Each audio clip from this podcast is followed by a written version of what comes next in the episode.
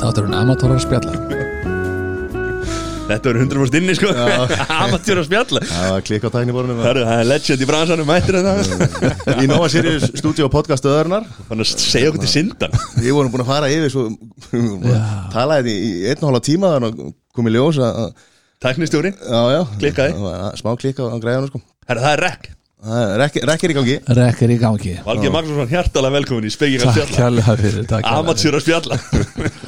Er það ekki, er ekki við þetta svona þegar maður gleymir þetta rekk? Jú, það er Við, ég sko, það er helsta sem að klikkar og ég hef það í úr bara að því að við erum búin að vera smá í þessum, í þessum hlaðasplasa þetta kemur fyrir stundum reglulega að því að maður er að spjalla og svo ætla maður að byrja og þú veist, maður er svo spenntur að hitta, hitta misregna maður sig á, á tökunum sko. Ég, ég var einmitt að spyrja þér rétt á hann hvort það hefði eitthvað mistikist að taka upp sjónvarstátti eða eitthvað, eitt, glimt að ítast á rekka eitthvað, þú segði bara, ekki- nei, það er bara Já, sko, þá vorum við að tala um gamlan sjóvarstátt sem að uh, ég var í sem heitir Hausugum Helgar Já. en eða þetta, ég, jú, jú, ég man þetta fullt af mistökum sem hafa gerst að það er að taka upp sjóvarsætti sko. en, en uh, það voru þættir svona í beinni útsendingu það hérna, nei, það voru engin svoleiðis mistök sko. Það klikkar ekki þeirri bein af Nei. en svona, uh, jú, ég man alveg þáttum sem maður hefur verið að vinna í það sem maður endaði með að þurfa að dröllum ekki allt í lokina því að, að því að klúraðist sko þegar var verið að taka upp sko. Já, og, og, uh, og ekki komið ljós fyrir en bara of seint á það maður ofta að gilla kúkin sko. Já deadline er bara komið og, og það er ekki þetta er komið og verður bara að redda efninu. Já. eða hlaupa út og taka upp eitthvað annað efni. Já. Ég er að fara að nota þetta svo mikið. Það þarf að gilla kúkin þú erum heldur betur að því hérna þetta er alveg brekka þér maður. En hérna velkomin, þú sko, ert náttúrulega virðulegur virðulegur uh, viðskiptamæður í dag. Já, Þú hefur nú sagt í vitan mörgum ára síðan að þú myndir sko, það myndir nú engin náðir í jakkafötum sko. En nú ertu, er, ert ekki, Heldur ertu að mæta stóru fundina í, í... Sýnist þeir verið í jakkafötum? Nei, ég er svona þegar þú mætir á, á stóru fundina, Nei, ekki? nei. Sko þú ert svo snirtilegu til fara?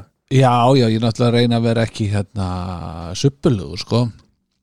Ég reyna að vera svolítið svona þetta verður eitthvað smá að, að- að verður allavega eitthvað smá svona smáverðarleiki verið í þessu eða lúk eða eitthvað sko. En a- a- eða deginum í jakkafötum? Nei, ekki að gera Þú sko. ert náttúrulega alþjóðlegur viðskiptamæður sko. já, það sko oftast sko um þennan þetta leiti árs þá byrja ég að gangi stuppusum þannig að svona, þeir eru að náða mig kannski bara svona viku áður en ég fyrir stuppusunar og ég fer ekkit í síðbuksur aftur fyrir en uh, hérna svona í oktober og í vinnunni bara á vinnunni var staðar. Uh, ég er með eina eindratekníku ég fer í síðbuksur í jarðaförum Mm. það er mér finnst óverðinga óverðinga að vera að mæta í í jarðaför sko en uh, brúðkaup og svona dót ég mæti í stöppusum sko þú ert ekki að tala um bara einhverjar Nei, en ég, til, til þess að geta svona verið í þessu þá, á ég nokkur stöppusna jakkaföld sko. já, já. þannig að þegar maður þarf að vera fín en þá er ég samt í stöppusum sko. en ég, En þú ert ekki að grínast með þetta Nei, nei, ok, Nema þeir út í, nema náttúrulega þeir út í vöðlum að veiða. Já, þú veist stöpu sem í vinnunundir það, er, það er hérna það er svona þú veist, ég er ekki í stöppusna vöðlum það væri skrítið, sko. Með er að það var reynda mjög gott. Ég þarf að vera í kavarabúning skilur þá er ég ekki stöppusna kavarabúning sko. Að, en þú veist svona það, þegar maður er svona að ganga um götturnar eða mæta á fundi eða eitthvað og, og, og sérstaklega þú veist að það er alltjóluð viðskiptamæður þegar ég er að mæta á fundi erlendis og ég mæta á stöppusunum að það, það hérna þykir fólki mjög skrítið. En það sem gerist og ég áttaði mig fyrst, byrja, fyrst bara gerði þetta því mér fast sko bara allt í nú þægilegt að vera í stöppusum svo fór ég að svona áttamáði að þetta, þetta var líka ákveðið svona branding. Að, að eh, svona innan að þess geira sem ég er búin að vera að vinna lengi og, og þvælast um heiminn að þá er ég svolítið þekktur fyrir að vera gæin í stöppursonum og, og uh, fólk, sko þetta líka hjálpar fólki ef maður hittist á fundi og einn er á stöppusum að að andrúslóttu á fundunum verður miklu afslappaðara og það verður einhvern veginn allt annað sko, bonding og tröst sem verður til og það er auðveldar að selja, það er auðveldar að, að skilja eftir eitthvað að fólk man eftir þessu fundi þegar gæðin komast upp úr svona og sérstaklega í bandaríkjanum það sem að, að, að, sem að dresskot er mjög mikið. Já. Ég, ég mætti einu sinni á stöðbuxum á stefnum ég er ennþá, fæ ennþá að hérna, heyra það. Tíu ára setna og hún reyndar enda, end, klúraði málunum og giftist mér sko. Já. og ég fæ þess að ennþá að heyra, heyra það reglulega sko. Þó, þó, mér fannst ekki tatuðavert Já. En uh, ég bara, þetta, þetta situr ennþá í henni sko, tíu ára setna Já, þú líka. Þannig að hérna Hann er jakkafötum alltaf sko. þú, þú, þarna varst að koma með eitthvað sem virkaði. Já, þú seldir. Já. Og svo heldur þetta að vera mist En ég, sko, ég veit ekki hvort þetta, ég hef ekki fara á og, stefnumót og með hún er annarri enn að konu tala um síðan, þetta. Hún er enn að tala um þetta. Já, já. En, en Hey, það, I sko, rest my case. Já, þetta er, það er ekkert eins og til dæmis að eftirminnilegt stefnumót. Já, og eins og að spila golf það er ekki að sama spila golf í stöpuksum og í síðbuksum og þá er ég aðalega að tala um að þegar þú ert komin í stöpukstar þá ertu erlendis í, í hittanum en svo ertu að berjast hérna við vindin og, og suttan hérna í brautarholtinu upp á kjálnesi sko já, Ertu í góluð það? já, já, já. Og ertu, ertu í stupur sem allt sumari? Já, mjög oft spila ég, sko, þú veist, Já, ég svindla stundum á þessari já. reglu, sko, en ég fer ekki, ég fer ekki sko, þegar ég er í vinnunni, þegar ég er að mæta á fundi og svona, þá er ég ekki að svindla. Þannig að, jú, jú, þetta, þú veist út, maður aldrei. eitthvað staður upp á þú veist, ég fer allt í einu upp á jökul það er ekki, þú veist, Ég maður svindar alveg, sko e- Þetta inn í er svona þetta, er svona þetta er svona þingið, bara, þú veist, þú, hittir mig ekki til þeir Reykjavík út í búð bara á síðbuksunum að sömri til, sko. Eða búa maður fund og sama hvað er stór fundur og, og, ég, og sko ég áttaði mig á því mjög snemma að ef maður, ef maður var einhvern veginn að reyna að fara í eitthvað fyrir hina þá, þá, þá virkar það ekkert uh, einu sinni var ég alltaf í jakkafötum og ég held að það væri leiðin sko. síðan fannst mér líka að ég væri bara svona búin að sanna að ég gæti eitthvað sko. þannig að ég þurfti ekkert að gera það með því að klæða mig upp fyrir tilefnið. Þú ert líka með glæsilega kálfa það, það er, Já, þetta er náttúrulega mjög mikilvægt líka að bara fólk fá að njóta þeirra. Já. Þetta er aðalega fyrir að, hína, fyrir aðra. Það var að segja rétt að hann gerði ekki neitt fyrir aðra er fyrir aðra. Já, en sko ég man eftir einhvern tíðan, við vorum alltaf með svona vittlisu og erum hann ennþá með svona vittlisu í vinnunni sko. Og löngu áður en að hérna mottum að spyrja þá voru alltaf með mottukeppnir. Alltaf á hausti, alltaf í oktober og uh, uh, fólki það er rosa grítið þegar maður var alltaf inn og kom með mottu. Síðan kom mottumars og þá fór þetta að vera bara og mikið þing svona bara svona almennt. Þannig að það var ekki lengur spes þannig að við vorum að spyrja hvað getum við gert maður? Þannig að við getum bartakeppni. Þannig að við vorum að vorum í oktober með bartakeppni og allir með barta í vinnunni og, og síðan var úslita dagurinn og þetta var, þetta var hérna, stór dagur, úslita dagur í bartakeppninni og en sama dag átti ég að vera að kynna pits fyrir eimskip þar sem að við vorum að fara að kynna þeim hvernig við myndum sko taka eimskip og hvað við myndum gera. Og, uh, og þetta er hann að 2000 og, og, og átta líklega, þetta er bara akkur í hruninu. Eða þá, eða þá strax eftir árum á 2009, maður ekki, þetta er allavega hann bara hrunið er bara ný komið og, og við erum að fara að kynna uh, fyrir þeim. Og ég var búin að undirbúa mig fyrir sko úslitadaginn ég var komið hárleikingar í bartan þannig að ég var svona eins og með svona snúið svona eins og, eins og sko geðingar eru með sko ra, já, svona, já, svona þessir harlínu geðingar sko eru með, þeir eru með eitthvað hatt alltaf á sér og svona snúna síða barta. Mhm. og ég var bara að láta gera svoleiðis í mig og það er bara, ok, eins og kynning á eftir í heimskip, úslitin eru strax á eftir þannig að ég ákvað bara já, þú veist, fólk verður bara að taka mann eins og maður er. Mhm. þannig að ég mætti með hárleikingar í börnunum hjælt kynninguna uh, auglýsingin varð að veruleika. Við unnum pizzit og hérna og auglýsingin heitir uh, Yfir hafið og heim sem að vera ekkit smá þekkt auglýsing ennþá í dag sko, núna 12 ára setna þannig að ég Útskýrur eitthvað af hverju þetta væri eða? Ekki fyrst. Nei. það komið svona skrítin svipur á fólk og svona og svo gerði ég það nú. Útskýrði, útskýrði uh, tilvist mína. Og, og Gilvi sem að, að það var fástjóri Eimskip sagði, já, veist, ég hef búið í New York, ég hef búin að sjá svo margt. Að, en andrúsloftið varð mjög afslappað þegar maður með hárlíkingar í börtun var að kynna kynna pitsið svo kom eitthvað jakkafatta gengi á eftir mér og kynnti sitt og allavega við unnum. Já, það er bara, fólk treystir þeim sem að kemur til dyrana eins og hann er klættur og er ekki að reyna að vera eitthvað annað heldur en reyna, Já, ég held er það, svolítið, já, ég held það. Þannig að ef þú ert ekki jakkafatta típa ekkit verið jakkafattum sílikondalurinn er búin að breyta þessu. Já, Steve Jobs, alltaf í hérna, Ég held að vera að fara að tala um hvað allt annað en dalinn annars sko. Bara því að það er sílikon og það hugsa þú bara að eh, Steve Jobs og alltaf í, í, í sama rúlugrabólum eða þú veist, mismunandi hérna, Gallabuxum og, og Já. svartur rúleikar og Mark Zuckerberg. Það er bara, þú veist, hvítur, hvítur t-shirt og svona og þú veist, og þessir hérna aðal kallarnir í, og konundar í, í, í Silicon Valley eru bara kerum á Prius og, og er í flip-flops og, og það er aðal fólki, sko. Ekki, ekki Wall Street gæði lengur, sko. Já, sko stöðutáknin þau hafa svo mikið breyst uh, einu sinni var stöðutákn að vera á, á, á einhverjum dýrum, stórum bíl með stóra vél vera í jakkafötum vera með dýrt úr þetta voru svona alls konar svona stöðutákn. Núna eru stöðutákn meira að segja hvernig þú hugsar um heiminn meira heldur en hvað átt mikinn pening.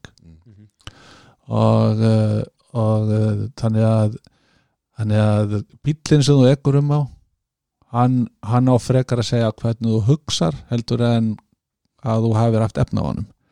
Og uh, þetta endur speklast í svo mörg og meðal annars hvernig þú klæðir þig. Þú ert alltaf að klæða þig í rándýr föt og alltaf í nýjum fötum þá ertu að segja ég er umhverju sóði, mér er sama þó einhver börn séu alltaf að þræla einhver staðar og fullta efni fari í, í, í, í ána þarna einhver staðar og svona dót sko. Í staðan fyrir ef þú nýtir vel fötum sem þú ert í og ert ekki að, að berast á þar að þá ertu típa sem hugsar svona og hagaði svona þó að þú sért svo ekkert að því. En stöðutákn er einhvern veginn við erum öll að hugsa um okkar ímynd alltaf og þetta er það sem að við í auðlýsingabransanum verðum síðan að nýta alltaf sem, sem einhvern veginn drive. Þegar við erum að, að eh, s- búa til ímynd fyrir vöru að hún ef þú notar hana þá ert þú að segja eitthvað um sjálfa þig og hvernig típa ertu flokka fólk í típur og, og þetta, hefur breyst rosalega mikið. Já, og þetta náttúrulega hefur verið já, þínar ær og kýr undan, undanfærin já, frá því að litla auðlýsingastofa byrja einmitt og, og, síðustu, síðustu áratugina að einmitt kom einhverjum skilabóð það er bara vantarlega felst í þér vinnu og hefur gert að koma einhverjum skilabóðum á einhvern eitt punkt og þá þarf að hugsa baksöguna og, og hvernig þú ætlar að koma þessu skilabóðum áleiðis. Og eiginlega meira að koma einhverju tilfinningu. Já, Það er skilabóðin er eitthvað sem að, sem að, að sko uh, við byrjum með eitthvað skilabóð og auðlýsingastofa einhvern veginn vinnur svolítið í því að uh, breyta svona rökrænum skilabóðum í tilfinningu þannig að þú finnir rökrænu skilabóð eða finnir fyrir rökrænu skilabóðunum uh, staðin fyrir að vera alltaf að segja þér sko hva, af hverju að telja upp einhverja kosti þess að, að velja eitthvað eða kaupa eitthvað eða að koma okkur um bíl eða, eða, eða hvað sem það er að þú hafi einhverja tilfinningu fyrir því að þetta vörumerki sé akkur það sem passar fyrir þig. Þa, þá er maður á svítspotinu þannig að fólk samsværi sér við vöruna frekar heldur en að, að því að rök þau, þau ná alltaf svo stutt. Þau eru bara þau eru bara í dag. En tilfinning hún er. Mm. og með þú hefur eitthvað tilfinningu þá þá, þá, þá veist ekkert sko í rauninni af hverju úr að velja hlutin að, að, þið bara langar í hann að því að þú samsværaði við hann sko. Og þetta einhvern veginn voru menn að fatta fyrir einhverju þúsundum ára þegar voru að búa til trúabröð já, að tilfinningin hún risti miklu dýbra heldur en röggin sko. þá þurfti að fá fólk til að að uh, saminast um einhverja reglur og siðfræði. Og trúabröð eru ristið svo djúft og, og uh, þess vegna virka þetta já, já þetta er tilfinningin og kannski í, í dýpstu merkingu að, að fólk veit alveg að rök, röki sig að þú átt ekki bara óhald sko. Já, ekkert að gera, gera það sko, þú Já, veist, en þeir vita satt betur en Það er gera annað, því að tilfinningin Já. það er ekki að rögræða svoleiðisleiti sko. Já. og það er flest allt flest allar ákvarðan sem þú tekur þó þið langir til að það séu röggrænar það er þær byggðar á tilfinningum.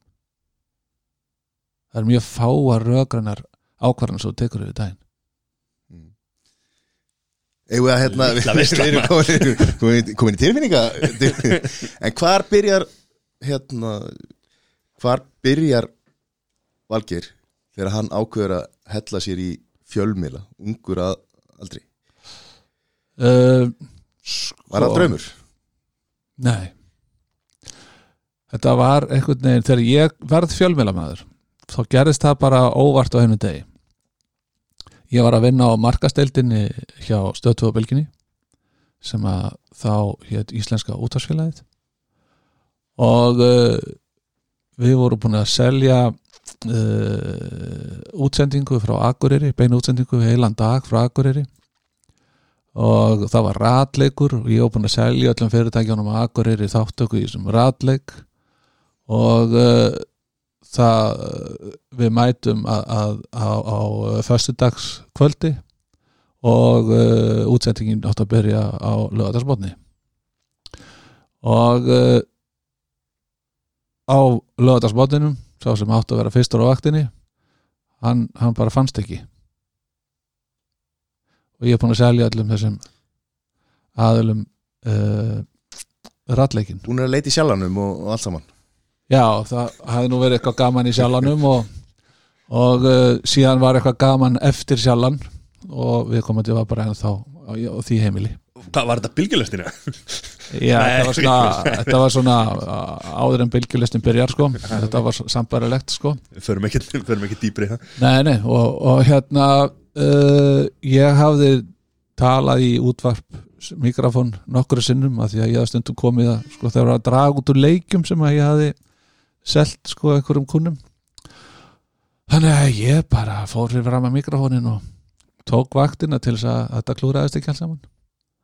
Og uh, hluti af, af skemmturinni var hérna að það var fyrirtæki sem að, var með svona jetski legu nýra á höfn og uh, þar uh, átt að fara á sjóskíði Á pallinum og, og hérna og ég hendi mér á sjóskíði kemur í ljósa að ég kann svolítið vel á sjóskíði ég byrjaði að stunda sjóskíði þegar ég var 11 ára gammal og, uh, og út úr því fæðist þetta konsept sko valli sport af því að ég kunni rosa mikið í aðarsportum sem var svona ó, margar svona óvenjulegar íþórtar þessum tíma. Kajaki já, kajak uh, kannski svona þetta voru meira svona adrenalín pakk, pakkin sem ég var að gera sko á þessum tíma. Kajak er núna bara ég svona setni, setni tímum svona að róa mig sko. Mm.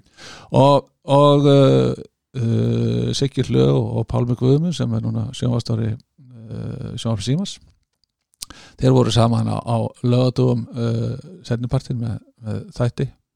Og ég segi við á hvernig lítið sikur á að ég væri kemi með ykkur hérna og væri bara alltaf að kynna nýja jaðaríþrótt og með hennar karakter og allir sport sem að hvernig, fættist í einhverju gríni eftir hennan dag hérna á, á, á Akureyri. Og þeim leist vel á það og bara helgina eftir er ég byrjaður. Og, og uh, þarna var maður að gera svona hluti eins og segla yfir rauðavatn á vélsleða að sumrið til. Að svona fleita sleðanum í látum það virkaði þannig að það mættu cirka 15.000 manns upp á rauðavatni. Suðurlandsvegu lokaðist og það er að rjúfa útsendingu á annari útvarstöð þar sem var uh, verið að lýsa byggarúslitaleiknum í fótbolta til að segja fólki hvernig þetta leggja bílum upp á rauðavatni. Þannig að svona held var áfram, ég klifraði niður Hótel Ísland sko, utanverðu þegar að það var einhver hátíð að fara að vera þar hvort það var átt ára amæli bylgjunar bylgjan er svolítið gömul í dag hann er ekki tímyndið okkur hvað langt síðan. Uh, ég var í Ísklifri ég mætti á Sveifdrega á það sem við vorum með grillkeppni fyrir utan hagkaup og svona alls konar svona dót sko. og þetta virkaði mjög vel. Og þannig festist við mig hérna, þetta nafn vali sport. Líka vel við það eða, eða ekki? Hvernig, ég reyndi síðan að losna við það heilengi sko. hann er ég var síðan í útvarpi eitthvað eftir það að reyna að vera Valgi Magnússon og það mann engin eftir þeim tíma sko. Svo þegar við fyrir að byrja í sjónvarpi ég og Siggi, þá segir Siggi við mig Vali, hættu þessu rugli vertu bara Vali sport, það muna allir eftir því það veit engin hver Valgi Magnússon er. Þannig að ég tók þessi rög og, og uh, svo byrjuðum við að auðlýsa sjónvarstátt sem var að byrja þá á, á, á skjá einum og, og uh, nafnið Vali Sport bara fór aftur í gang og það var bara eins og aldrei verið slögt á því og síðan hefur það einhvern veginn loðað við mig. Ég kynni mig sjaldan eða aldrei sem Vali Sport nema ég, ég þurfi virkilega að, að, að útskýra fyrir viðkomandi síma ertu ekki alveg að fatta þú veist? Hver er? Þetta? er en, annars, en ég er svona kallaður af öðrum það þá. Er samt ekki gaman að eiga eitt svona hliðar sjálf? Svona geta átt tvo Geta verið mismunandi maðurinn í tveimum mismunandi karakter Já, það er svolítið gott að hafa afsökun fyrir því að vera fáviti sko. Og hérna segjast þá bara að vera í karakter. Og það, það sko, en við yktum þetta allt saman rosalega mikið þegar við vorum í, í, í, með þessum helgar sko. Já, en voru þið ekkert með áruðu byrjuð með sjónvarstátti þá voru þið aðeins í þessum útastætti saman, Já, voru þið ekkert að vinna meira saman heldur en það? Nei, svo hætti ég fljótlega á bylgjunni og uh, fer að vinna á FM 57 sem var þá sikkvort fyrirtækið og uh, svo hætti ég að, að hérna, svo fór ég að vera á bara svona létt var að byrja, þá var ég einhvern lögadast hátt að spila íslenska tónlist fyrir fólk sem var að reyksuga og svona dót sko. Þannig að uh, nei, við unnum ekkert saman í fjölmjölum þarna á milli en í auglýsingagerð unnum við saman þarna á milli. Við byrjuðum að vinna saman þegar við vorum hérna báðir að vinna hjá stöðtofabylginni þá byrjuðum við að búa til auglýsingar á kvöldin sem aukavinnu sem var þá litla auðlýsingastofan eða ekki? Hétt því nafni? Nei, nei, þetta er hausverk. Hétt hún ekki upprunalega litla auðlýsingastofan Nei, það er einhver annar verið með hana. Ok, það er á einhverju prentmiðlum stend, Stendur það sko? Já, nei, hún er aldrei við, við aldrei átt neina stofu sem heitir litla auglýsingastofan. Og ég man ekki til að Siggi hafi gert það heldur. En, en við sko Siggi er hann að byrjaður með hugmynd að uh, nafni hausverk sem hann er byrjaður að vinna undir. Var að vinna fyrir uh, eitthvað af svona eitthvað af, af, af félögum sínum meira að minna ókipis og uh, ég er hann að marka steltin og við þurfum að gera svolítið á svona einhverju efni í kringum það. Og vorum að gera svona skóladagar og eitthvað svona dót fyrir bylgjuna og, og uh, búa til eitthvað þú veist, uh, eitthvað keppni sem við gerðum fyrir utan vívilfell og svona dót. Og þurftum að gera eitthvað lúk á þetta. Og Siggi bara mjög klári að gera það sjálfur með svona gamlan Apple uh, Macintosh með svartskiptan skjá og svo bara hétu litinir eitthvað þannig að við vissum hvað lit við vorum að hanna fyrir brendið sko. Og uh, ég sé að hörðu, þú ert hérna bara að búa til á kvöldin alls konar dót fyrir hérna, eitt og þetta fólk. Hvernig er þetta að rukka fyrir þetta? Kemst, kemst ég að því að hann er allar rukkan eitt sko. Mm -hmm. og, og þannig ég ger hann bara til hörðu, og ekki bara að vera með þér í þessu ég kann að selja á rukka. Og ef með svolítið hugmyndum og þú bara hannar og þannig byrjum við að vinna saman sem lítil auðlýsingastofa bara svona á kvöldin. Og svo fórum við að gera sjónvarsauðlýsingar og við vorum að stelast til að gera það í, í frettastúdíónu bara hjá stöð 2 Mhm. sem var þá kallað 1919 stúdíóið. Já. þar var rísa stór mixer ég held að hann hafi verið 5-6 metra langur. Og ég voru bara að klippa sjónvarsauðlýsingur þessu á nóttinni sko. Og þannig svona byrjum við sko og svo heldum við áfram, eftir að ég hætti þá heldum við áfram að gera auðlýsingar saman sko. Að og vorum í þessu aukafinn í nokkur ár. Alltaf ég bóði að sig ekkert tjóna fund og sagði, er þess ekki við heldum 30 miljónum í aukavinninu í fyrra. Hvernig litist það um bara að gera þetta að aðalvinnu? Mhm. og uh, þá hérna fórum við í það. Gerðum þetta aðalstarfi og uh, uh, Pipar höflingastofa er, ennþá reikinu og sömu kennitölu og, og, og við vorum þarna að vinstænast með fyrir einhverju tæpið 30 ára síðan sko. breyttu þá hausverk í pipar Já, við skiptum um nafn sko, Já, já. og fengum hérna bó til að lesa fyrir okkur á símsvaran það var símsvari á þessum tíma Já.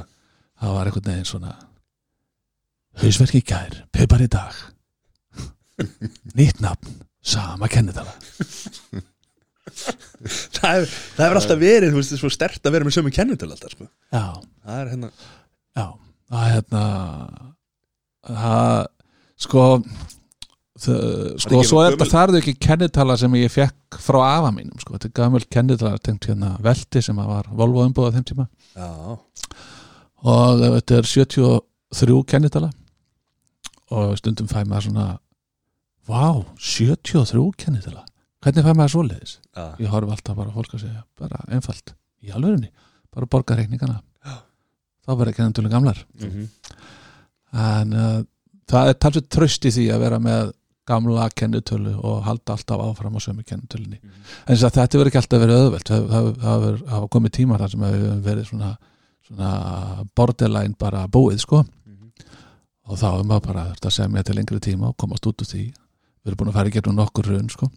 Já, og við sjáum nýjasta dæmi sem er eh, ekki alls fyrir lungu þegar, íslenska fer, fer undir sko, stóraðila markaðum Já. sem var líka rótgróð er, og hefur verið auðlýskabransin síðustu 20-30 árin hefur verið náttúrulega eins og annað fyllt takt og tíma og oft verið strempin og já. mikið en samt ótrúlegt, það er nefnilega mikil mýta að auglýsingastofur fari oft á hausinn en ef maður skoðar sko söguna betur að svona þessar stærri auglýsingastofur uh, það hafa bara ekki dvola margar orðið gjaldróta er þá sammenningar og, og það var breytingar mjög oft orðið sammenningar en, uh, en gjaldrót hafi verið mjög fá. Ég man til góð fólki sem var gjaldróta fyrir eitthvað stórt uh, auglýsingastofan síðan Mekano sem var mjög stór uh, og var gjaldróta uh, svo íslenska sem var ekki stórt gjaldrót það var mjög lítið gjaldrót uh, þannig að þau sáu bara ekki fram á að þau getur haldið áfram að reka stofuna eins og hann var sko. En um, en er mjög þetta er mjög fá gjaldrót í sögunni hjá auðlýsingastofum svona ef sko það síðust 20-30 ár. Þannig að eina sem að auðlýskastofur auðlýs ekki það er þegar það fara á hausin hvernig er það þessi? Þessi var ekki góð Þessi var ekki góð Hvern, Hvernig er að vera með hérna Þú og Siggi, tveir með auðlýsingastofu byrjið, svo byrjaði að ráðin fólk. Hvernig svona er að byggja upp fyrirtæki úr segjum einhver, eða þú þið tveir bara? Það er svona við vorum að vinna mikið með tolla hann á tímabili. Og hann var með helviti góðan frasa. Þetta heitir pizza tímabilið að þetta er svona tímabil þar sem að sko allt er rosa gaman og maður er með á endalus orku og að vinna langt fram á kvöld skiptir einhver máli og það er alltaf pizzakassi sko þegar þú mæti morgun nettir í vinnuna að því einhver var að vinna í gerkvöldi og fekk sér pizzu. Mhm. þess vegna er þetta svona pizza tímabilið Alltaf góðu morgumadur Já, svo einhver kvöld svona til að fá sér á mótana sko. og það, það það er rosa skemmtilegt tímabil.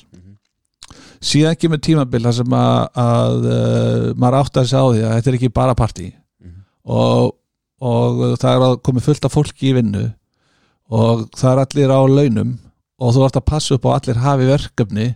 Og uh, skilji að hvað er að gera yfir daginn. Og sé ekki að gera eitthvað, eitthvað mistök. Og verði ekki, sko, þurfi ekki að hérna, endur gera hluti. Og maður að hugsa hvað kostar einingin. Og, og, og hvað hef ég margar einingar til að selja. Og, og hvað þarf ég að, hvernig þarf maður að skrá tíman og allt þetta tótt þá þarf maður að ströggla svolítið í því að læra það.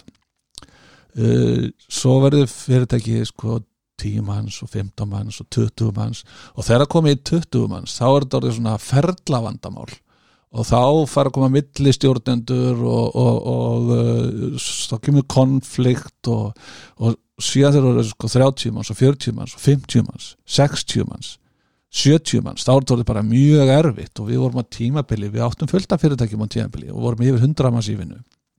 Og mistum bara talsverði yfir sín og vorum í alls konar geirum og þetta var hérna upp úr 2000 uh, bólunni.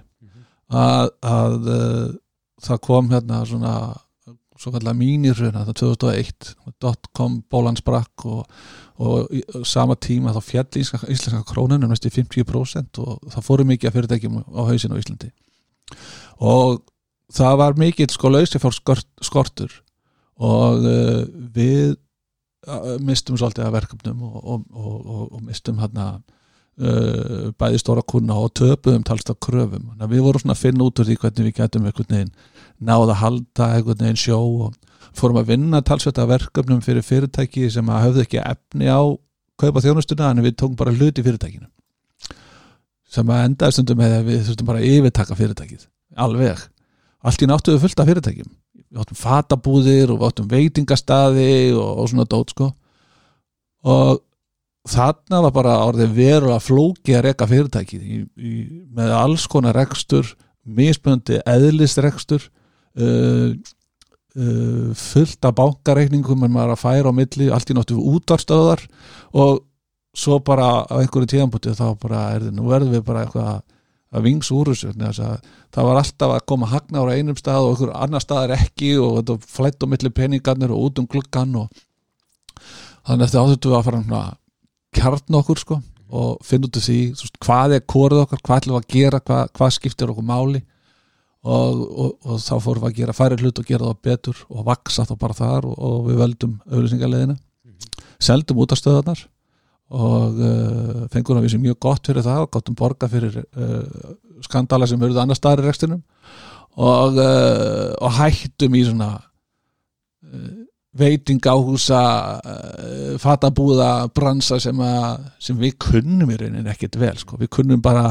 að láta uh, sko, fólk mæta á staðin en að reka það sjálft það var ekki okkar kor sko. þannig að, þannig að uh, svo, svo læri maður það og síðan uh, sko, stækku við ennþá meira þar þá, þá förum við að, að gera meira teimis uh, vinnu það var líka mikil breyting hvernig við fórum að teimisvæða og hvernig við fórum að, að sko, og hvernig við fjölguðum sko leirum í fyrirtækinu þannig að, þannig að það var þetta er rosa ferðalaga stopna fyrirtæki frá nulli og, og gera það að einhverju sérstaklega að því hvoruður okkar hafði unnið á auglýsingastofu áður við stopnum stofuna.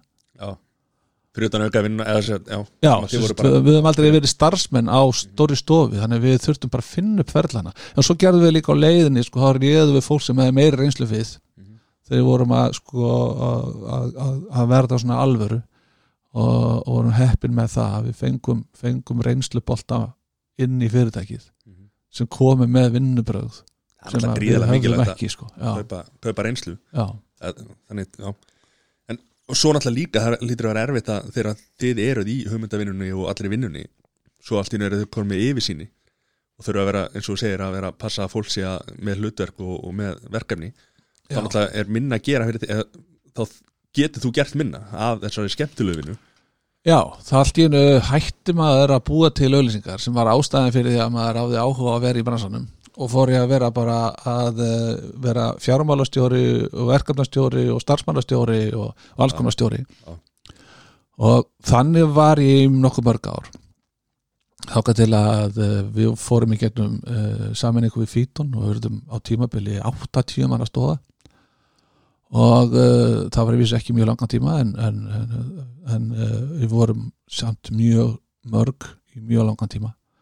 Og uh, það fylgdu þessu erfiðleikar það var svona fullt af vandamálu sem kom upp í kjálfara á þessari saminningu og ég varð alveg rosalega þreyttur þegar maður loksins sá í land og þetta voru klárt og það tók alveg tvö ára að láta hlutina ganga upp. Og uh, uh, sá bara að, að þetta gengi ekkit svona lengur og, og uh, partnerinn minn í dag Guðmundur og vorum að, að ræða saman og og, uh, og uh, ég sko hafði fengið jólakort sem var svo ekki að merkilegt þetta var bara svona uh, frendi korna minn er að senda og, fjölskylda að senda okkur bara jólakort. Nema myndin á jólakortinu var uh, sagt, uh, gæsir nei, það voru áldir í oddaflugi. Og uh, og myndin hér dottaflug síðan var svona smá skýring um myndina sem var um það að uh, áltirnar það er, það er fljúa í erfiðum aðstæðum, langa leið á milli landa í oddaflugi. Svo skiptast þar á að vera fremst. Ef að ef að alltinn sem er fremst streytist of lengi við að vera fremst þá þreytust þú nóg mikið. Svo þú verður að kvíla þig og fara aftur fyrir. Og ef þú þreytist of mikið þá deyr allir hópurinn. Og ég hugsaði það er kannski ekki komið tími og ég sé ekki fremst. Það er líklega ekki best fyrir þetta fyrirtæki.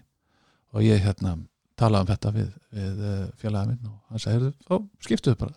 Þú eru stjórnarformaður og ég er frangandstjóri og við bara gerðum bara svona og ákvaðum það það var held ég frábær ákvarðin bæði fyrir mig og fyrirtæki þannig að ég var orðin mjög þreyttur. Ég var þreyttur á því að vera vera alltaf í þessum endalösu rekstramálum ég er ennþá að skipta mér hellinga að sko. En ábyrðin liggur ekki hjá mér, liggur hjá, hjá, hjá, hjá Guðmundi um, um rekstarþáttin og ég gætt fara allt í að vera meiri að vinna með viðskiptavinnunum ég gera það sem að ég var ástæðan fyrir ég, ég hérna, var búin að vera allan tíma í þessum bransa þannig að ég fór að gera skemmtilegri hluti og horfa til lengri tíma uh, við höfum hérna eignast hluti í fyrirtæki sem heit Ghostlamp ég fór að skipta með mér að því uh, það verður að ykkur síðan fyrirtæki sem vinnur um allan heim. Uh, nú eigum við það fyrirtæki uh, svona náttúrulega 100% í dag. Og það er að vinna allstaðar við uh, stofnum fyrirtæki í, í, í, í kiftum litla auðlýsingastofu í Oslo sem við erum búin að breyta í, í TPF auðlýsingastofu ég er frangóttastjórið þar uh, þar er ég að byggja upp það finnst mér skemmtilegt sko. og þar er ég góður þannig að hérna, þannig að maður það líka sko að maður byrja frá nulli að maður líka pæli því sko það þarf að skipta inn á mm -hmm. maður getur ekki verið alltaf sko alltinn sem er að reyna að fljúa flemst sko. það, það verður að bara heilbritt bara fyrir. já, og það er ekki gott fyrir reksturinn að sami aðli sé bara endalaust sko, fyrir ekki að það væri gott fyrir okkur að það væri bara fósetsraður að myndi bara vinna kostingur og vera bara handlandar efst sko. það, það væri örgulega frábært í nokkur ára og síðan bara er það súrt sko. Já, eh, sko, bara sem að hefur komið á síðustu örfa á árum kulnun í starfi sko já, en svo eh, gegn því Putin hann er bestu fremst og, og hann er ekkert að fara að slá af sko. Ég held að bara sé breyta ekki best lögunum að það vera bara ég held að- ég held að sé ekki best sko. En þú talar um hérna með saminningu hafla vandamálið. Sko Putin hann á að vera í líðræði hann bara og hann, hann lætur kjósa sig aftur og aftur. Hann er, hann er einræðisara í fyrirtækjum þá er þetta mjög oft hannig að sá sem er fremst hann getur bara ákveðið hversu lengi hann ætlar að vera og hann þarf að taka þessa ákveðinu sjálfur og, og, alveg sem með Putin sko. Hann heldur að hann sé besta leiðin áfram fyrir samfélagið. Eða að hafa að vera í þessari aðstöðu sé best fyrir hann persónulega. Ég veit ekki hvort hann stundum halda menn að þeir séu þarna eins og Putin það getur vel að hann haldi að, að einhver annar komi þá bara eðilegist samfélagið og, og, og, hann verði bara vera þarna fyrir fólkið. Uh, og það er eins í stjórnun fyrirtækja ef þú heldur að þú sért sko ómissandi og verður að vera fremst og ert ára af lengi þá ertu bara komin fyrir. Að það verður ekki framstráð fullt af hlutum sem hafa gerst hjá Pipar eftir að ég ætti að vera frangundstjóri sem hefur líklega aldrei gerst ef ég hefði haldið áfram að vera að ég hefði haldið áfram að gera hlutina áfram eins og voru gerðir. Allt í að fara að gera hlutina á nýjan hátt komin nýjar, nýjar hugmyndur um ferla verkflæð og svona dót sem að ég hef- efast um að ég hefði fengið hugmyndað og uh, þannig að kom fullt af nýjum hugmyndum inn í þetta fyrirtæki sem gatt sko haldið áfram að vaksa með ferskleika í stæðan fyrir að þreytast.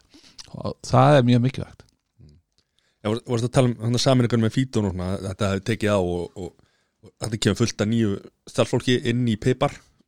Já, með, já, með, með, já, með, með Já. saminningu hvernig er svona vinnustaða hérna, menning og vinnustaða þú veist, kultúr það er mjög flókið. Það var mjög mismunandi menning á milli þessar tvekja fyrirtækja og það var mjög flókið að, hérna, að samina þessar menningu og það gerir maður ekki nema bara maður býr til uh, andrúsloft til að samina menningu þú getur ekki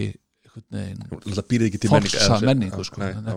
en það er þetta að búa til alls konar hluti og, og hérna ég man að ég hafði nýlega verið búin að lesa uh, Steve Jobs bókina Mm. Það er svona fullt af hlutum þar sem að voru mjög sniðir þar sem að þeir voru að, að, fara í nýjar höfustöðar hann hugsaði húsnæðið út, allt út frá því að fólk þyrfti að mætast sem oftast þegar að vara í vinnunni. Til dæmis uh, eitt af því sem að við gerðum þegar við vorum að, að passa upp á að fólk væri meira að tala saman við vorum bara með eina kaffivél. Mhm. þannig að það þurftir alltaf að sko fara að sömu kaffivélni þá eru meiri líkur að það hittir aðra í vinnunni sem þú ert ekki að tala við venjulega að því að er að færi sömu kaffivélina. Og það er svona fullt af svona hlutum sem að, maður þarf að pæla í. Bara þetta að vera með sko tvær, þrjár eða fjóra kaffivilar í, í húsi þá ertu bara að gera það að verkum að það verða til f- þrjár eða fjórar einingar sem er aldrei tala saman. Og og alls konar svona, svona smá hluti sem að maður þarf að hugsa um þegar maður er, að, er ekki að búa til menningu heldur að búa til jarðveg til að menning geti orðið til. Svo þarf líka að hugsa um sko, maður getur ekki einhvern veginn yfirtekið sviðið. Önnur menningin má ekki yfirtaka hina menninguna, þá bara verður klass. Að það þarf einhvern veginn að að taka bits and pieces frá hvorum fyrir sig og, og reyna einhvern veginn að, að, að láta það lifa saman. Uh, í öllum svona, þú veist, eins og ársáttíða nefnd passa þessi aðelar frá sikkurum staðanum til að ársáttíðin sko fái element frá báðum fyrirtækjum. Uh, alls konar svona hluti sem það er að pæli, við gerðum stóra framkvæmdastjórn og gerðum bara mjög stóra framkvæmdastjórn. Þannig að það væri mikil samábyrð þegar við vorum að taka ákvarðanir. Þannig að við höfum breiðan hóp sem var að koma skilabóðunum á, áleiðis í staðan fyrir að hafa lítinn hóp og, uh, og alls konar svona hluti sem við gerðum við byggum til fullt á svona nefndum sem við þurftum að vinna saman í alls konar framþróunum uh, þessar nefndur er ekki til í dag uh, það er bara kláruðu sinn tíma en þetta var, þetta var nöðsilegt á meðan við vorum að svona sam, samkeira menning og þess að tvekja fyrirtækja svo allt í hennu bara er orðið bara eitt fyrirtæki eftir einhvern smá aðlunar tíma Já. sko. Já. en hann er ekkit smá þetta, Nei, já, þetta er alveg, þetta tekur allavega þrjú ár bara, bara að þessi hugmynd við og þið hætti Mhm. það tekur bara þrjú ár sko. Mhm. Þannig að- þannig að tegur því líka orku út úr fyrirtækinu og, já, eða, set, en þú vorst að tala um að það er partnerið þinn núna hvað, hvað sagði Guðmundur. Pálsson já Já, það eru 17-18 hlutafæri í fyrirtækinu já. en við erum svona tveir stær stærstir já. en hlöð átt, hvað hérna hvernig var þetta þeirri, hlöð átt því að hann kveður alltaf með þessu shit, það er lélægt það var sko hann, hann uh, ákveður að fara í bara henda sér í ferðarskristofu með, með konu sinni Já. og fara bara full foss í ferðarbransan og gekk vel þar og, og, og, og var ekkert að einbetta sér að öllu í einu og, uh, og ætla að vera með útvarsátt eitt sumar 2007 sem enn er vinsaldist útvarstáttur landsins. Og, og þetta var bara orðið á mikið og, og svo þannig að við, við gerðum bara samkomulega um það að við myndum kaupa hann út úr fyrirtækinu. Bara allt í góðu og Já, bara, við erum- bara já, já, við, við erum eiginlega miklu betri vini núna heldur en við vorum sko áður. Þannig að, að, að því að núna er sko er einu tengslin okkar vinskapur. Já. við erum ekki fjáraslega tengdi lengur og, og hérna þannig að, að uh, það er eins líka í, þegar maður er að starta svona, það, það er ekkit svona sjálfgefið endalust sko. Mhm, nú eru þið tveir partnerir er það ekki hérna? Mhm. það er ekkit sjálfgefið að þið verið báði með brennandi áhuga á þessum bransa eftir 5 ári eða 10 ári eða hvað sem það er. Eða hafi sameigilega sín til þess að þetta fyrirtæki fari endalust í átt sem þið sjáu sjálfur báðir.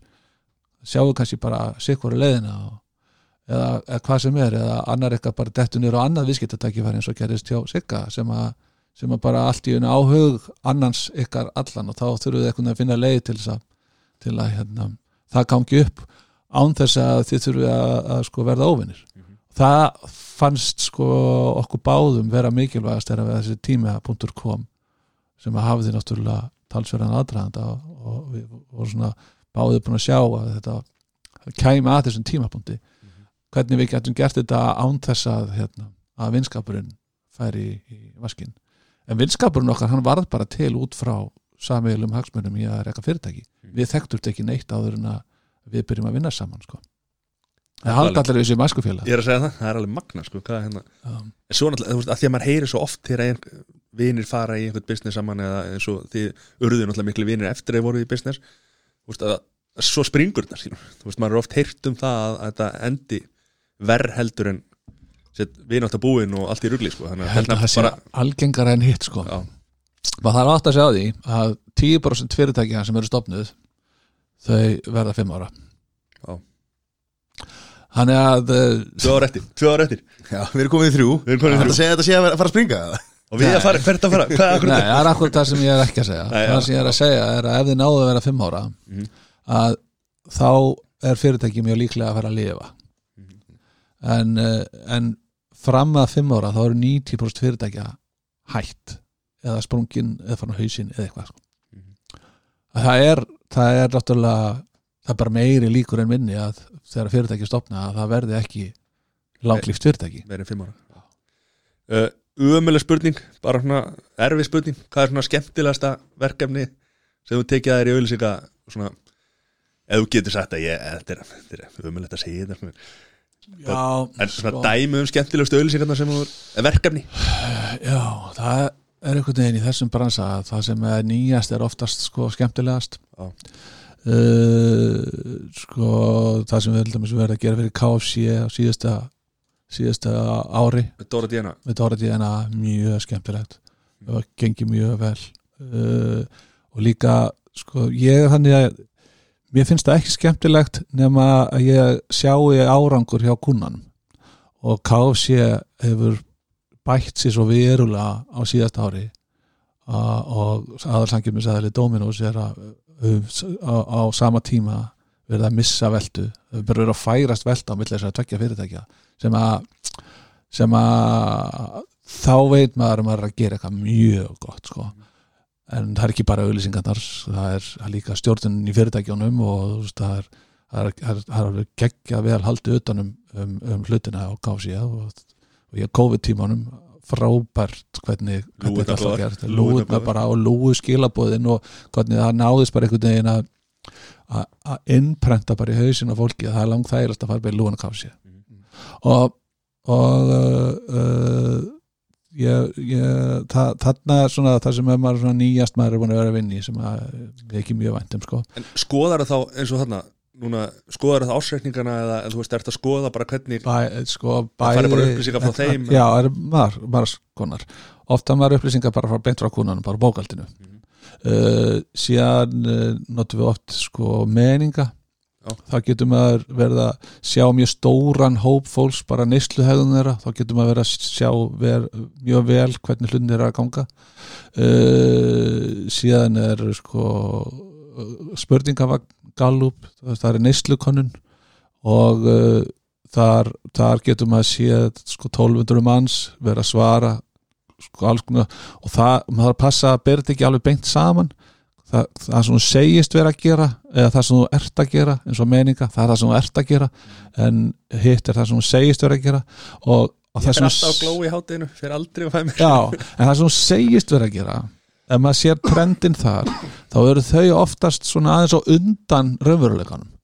Þannig að ef maður sér að eitthvað vörumerki verið að rýsa mjög hratt sko í neyslukonun þá rýst það mjög hratt líklega sko eftir 6 til 12 mánuði í raunveruleikanum. Já, af því að þú byrjar að halda með vörumerkinu Mhm.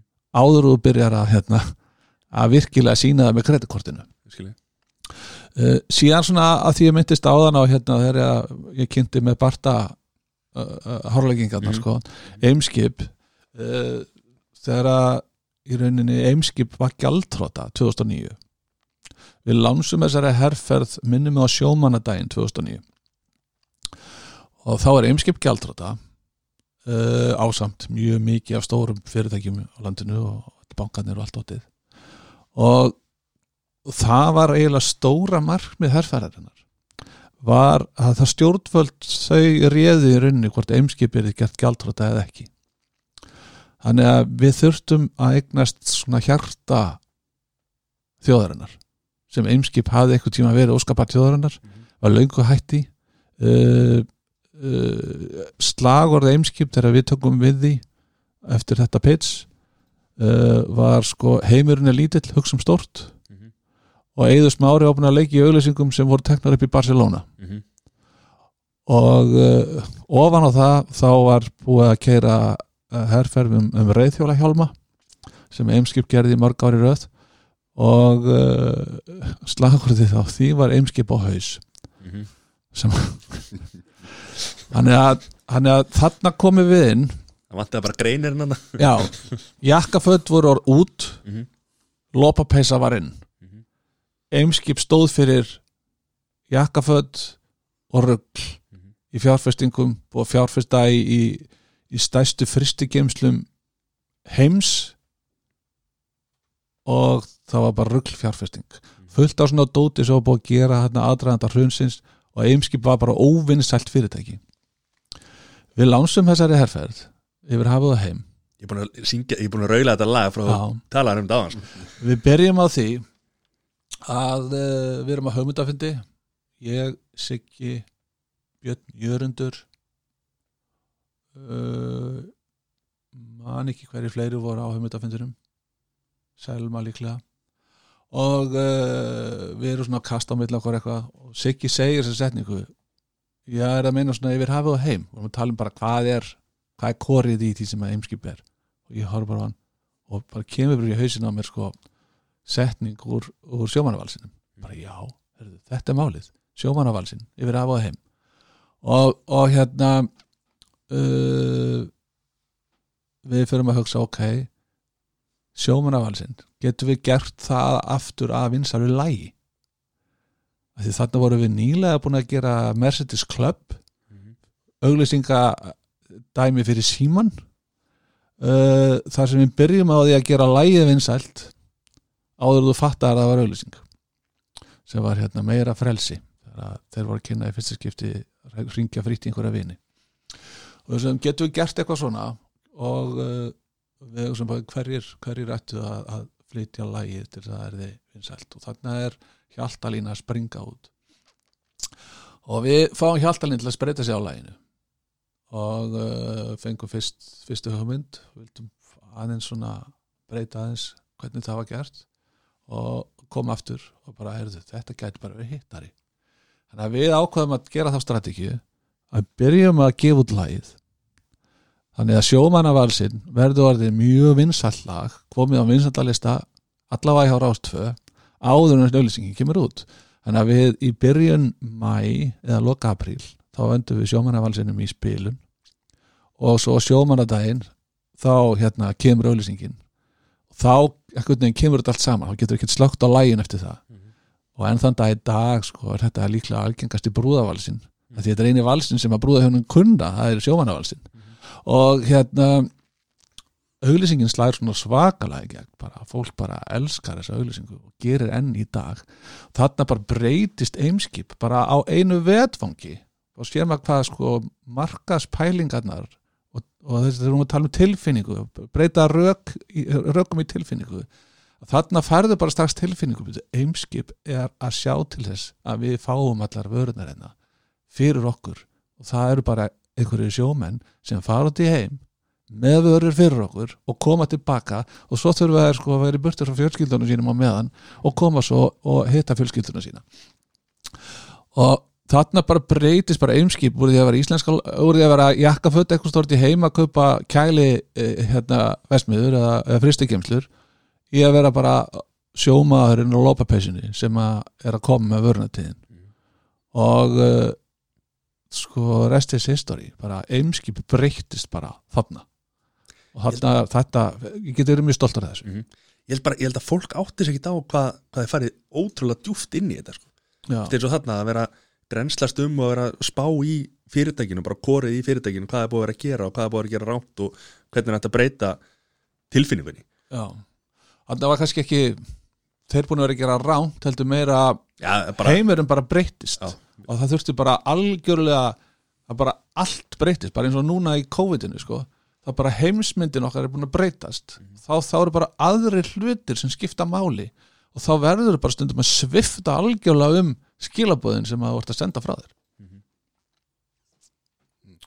Já, En að því hún nefnir Mercedes Club, tónlistamæðurinn Já, já, hérna, varstu komið mikið og, og hérna komið að- að að- hvað segir maður að, lögum. Já. varstu, varstu eitthvað ungur í í tónlist eða ein, einhver áhuga já sko ég lærði á piano tók fyrsta stegi piano svo bara hafði ekki tíma fyrir piano æfingar vegna þess að ég bara hafði meira ambitionir í íþróttum þannig að, þannig að ég hætti því bara. Svo kom ég ekkert nála tónlist sko fyrir en uh, ég var umbóðsmaður á móti sól eitthvað tímann. Þá byrjaði ég að svona hvernig gerist það? náttúrulega auðlýsingakall skilur vel tengdur, búin að vera í fjölmjölum, útvarsmaður þekkt alla. Þeir upprennandi uh, hljómsveit sem að sem að var ekki búin að fá stóra breykið hafðu komið og spilað oft hjá okkur í sjómasættinum og uh, Magni kom fyrst fram þar ofinberlega sko. Það var svona svona tröst á milli sko. Þannig er, er vissu að, að, að maður geti gert eitthvað. Og, og uh, þannig að uh, ég fannst það bara spennandi að pröfa það. Mhm. og uh, við komum þeim í bylgjulustina og sem að gerða að verkum að, að, að, að Mótisól fekk hérna mjög stort plattform og fekk stóra breykið og breytist í að vera miklu starri band. Mhm. og svo gerði ég með þeim ykkur hérna, tónlistamennbönd og svona dót. Það var líka tímabili þegar að, uh, það var svona söpum tíma og ég var að tala um þetta áður með fyrirtækin sem að vegnuðust við höfum líka tíma til að búa til einhver, þú veist, það var ekkert að gera í sjónvarsauðlýsingum á tímabili. Þannig að þá bara sömdu við nokkra hljómsýttir og sem við heyrðum hérna ykkur vant á tónlistamennbönd við græðum það. Uh, við eigum það bara miðasölu á eitt ball hjá okkur í staðin og það var allar tjósti til í þetta við höfum gert tónlistamennbönd fyrir á móti sól og, og nokkra aðra. Síðan áttu við hérna allir inn hjá nokkrum. Og svo var að koma verkvall í framhaldsskólum. Og, og ég man að verkvalli átt að byrja á miðvikudegi. Og við áttum innan hjá allir svona hljómsundum þannig að ég fæði þessa hugmynd og segi við sig að herði hérna ef að búa til bara að risa gikk kvöldi sem að verkvalli byrjar í framhaldsskólum. Og að við fórum að vinna saman í því og upp úr því fæðist þessi hugmynd að búa til eitthvað sem er verkvall.is og við fengum fjöla framhaldsskóla með okkur í það. Og þeir áttu prósendur af meðsölinni og sáum gæsluna.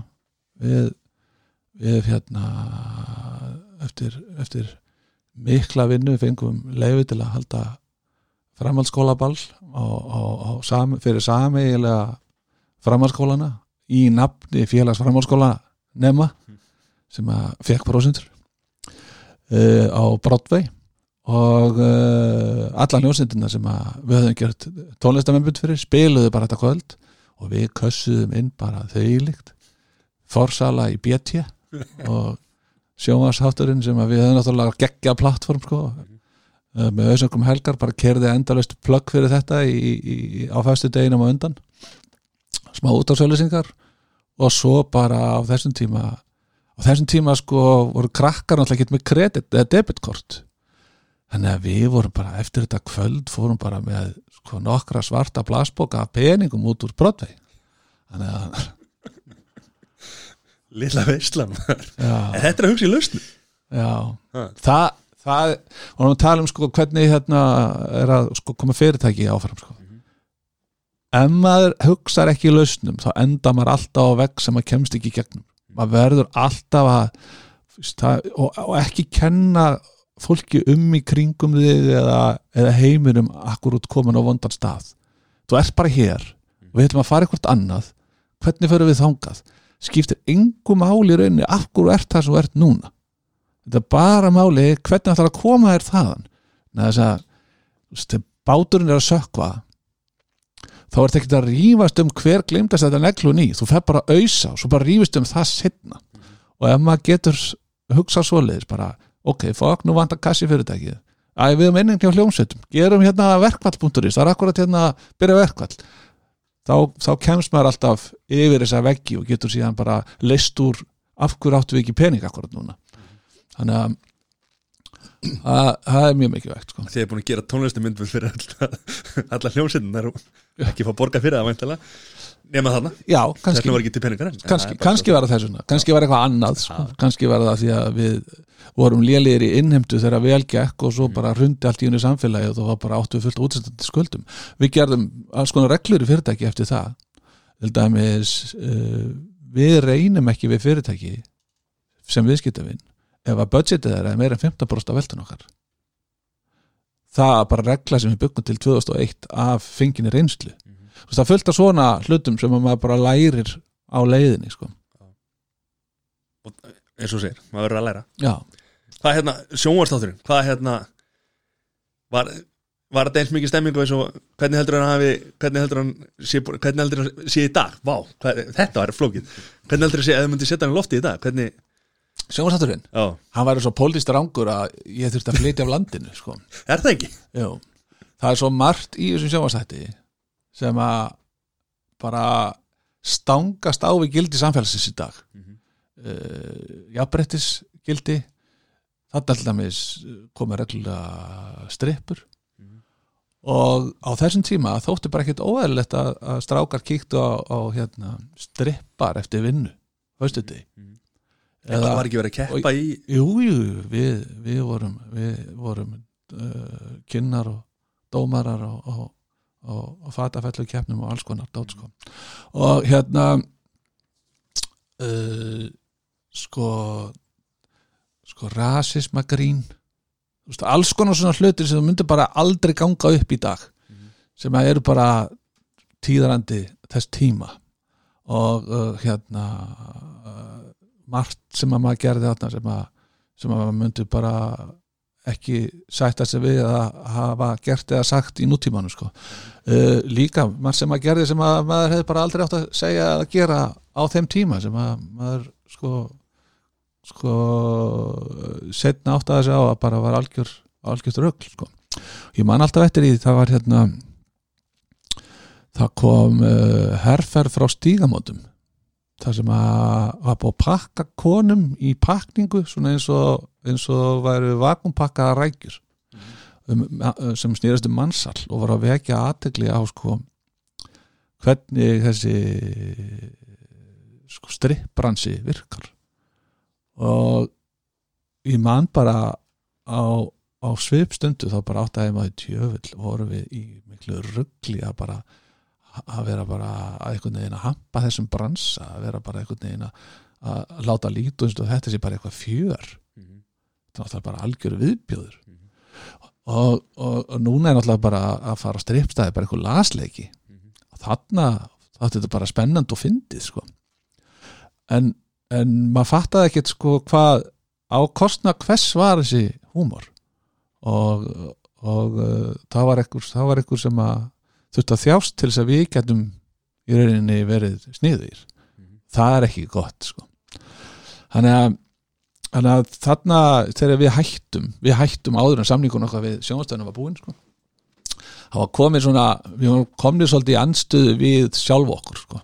við, uh, við vorum átnir karakterar sem að þurftu að haga sér ákveðin hátt til að halda vinsaldum en það var ekkert gaman lengur að vera þessi karakter. Af því að það var ekki það var ekki það var ekki lengur gaman í hljómsveitinni. Þannig að uh, við höfðum hann að glugga til að hætta fyrsta desember eða áramót áramót held ég 2001 þá voru, búin að vera held ég þrjú ári loftinu. Og við nýttum okkur þann glugga. Þannig að, að annars hefur þurft að vera í sex mánuði viðbútt og hættum. En náttúrulega eins og þú segir, þetta er náttúrulega bara einhverjir fýblagangur og, og, og, og átt að vera bara í þeim, þeim tíma sko, þá var þetta Svo- svona fyrirmyndan okkar var svolítið Veinsvöld. Bíómyndin. Bara svona og þetta gerist upprunnilega þannig að að uh, við erum við erum hérna uh, sko Siggi var að horfa á sjónvastöðu sem var ný þá sem hétt áttan ekki áttan sem var síðan aftur eitthvað með sama nafni hérna fyrir nokkrum árum áhrifavalda uh, æmintýri uh, sem að hann ringir í mig í rauninu og segir sko, ég er að horfa hérna á einhver útsendingu, þetta er svo glatað við getum gert sko svo miklu miklu betra bara með vinstri sko. Og ég hafi nú ekki séð þetta og séð bara ok, já hvað Það var, ég hitt eitthvað gaur um daginn þetta er Holmger, hérna, mér fá spjaldið sitt kallaði það spjaldamenn. Og hérna, hann er með einhverja sjónastöðu sem heitir Skjár 1 uh, og að hitta hann og að hvort þið getur gert eitthvað. Og akkur þessum tíma þá svona þá voru við sko með svona, op, svona við, vorum, við vorum opni fyrir því að gera eitthvað nýtt báðir. Og ég segi að förum allavega að hittum hann. Við erum með eina reglu í okkar sambandi og segi að við, hérna, við tökum alltaf alla fundi. Svo bara ákveðið eftir fundin hvort að þetta er eitthvað viti í hlutunum eða ekki. Og við förum á fund með hólkeri upp í engi hérna, var sjónastöðin þar og það var bara svona einn skrifstofa og síðan var útsendingaherbyggi og, og svo var eitthvað svona stórt svona miðrými. Og við förum með hann um eina skrifstofuna og erum að tala við hann og ringi símin og, og heyrum að sko bara hans hlið af, af samtalinu. Já, hvað séu, já, já, já mistur af þættinum í gær, já, já. Ertu við sjónvarpi núna? Herðu, veit aðeins.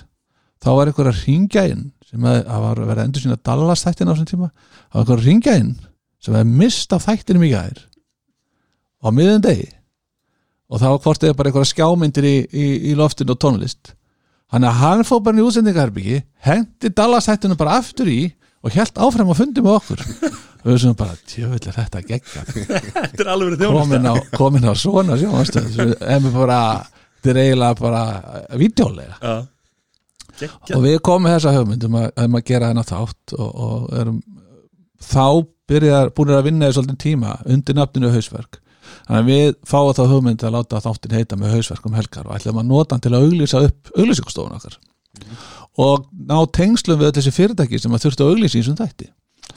Uh, við sáum aftur um að það gæði sem að hendi bara þættirum í, ég væri kannski ekki líklegur til að reka fyrirtæki mjög lengi og borga okkur reikningana. Þannig að við sömdum þannig að við bara fengjum ekkert borgað. En við ættum bara auglýsingatímana í þættinum og hann hugsaði, ég er ekki að fá neina tekjur það er eiginlega ekkert að seljast af auglýsingum hjá mér. Þannig að hann hugsaði, ég fæ allavega þátt. Og hérna ég þarf ekki að borga neinu neitt. Nema Gísli Rúnar og Latti voru með okkur í þættinum ég fæði og hann er nátt að borga þeim. Já. og uh, hérna uh, síðan voru Gísli Rúnar og Latti með okkur bara einhverja tvo mánuði og svo, og svo hætti það. Uh, við aftur á móti búinir með okkar reynslu úr fjölmjöla heiminum og, og ég hafandi verið sölumari að selja auðlýsingar við kunnum alveg að ná í tekjur.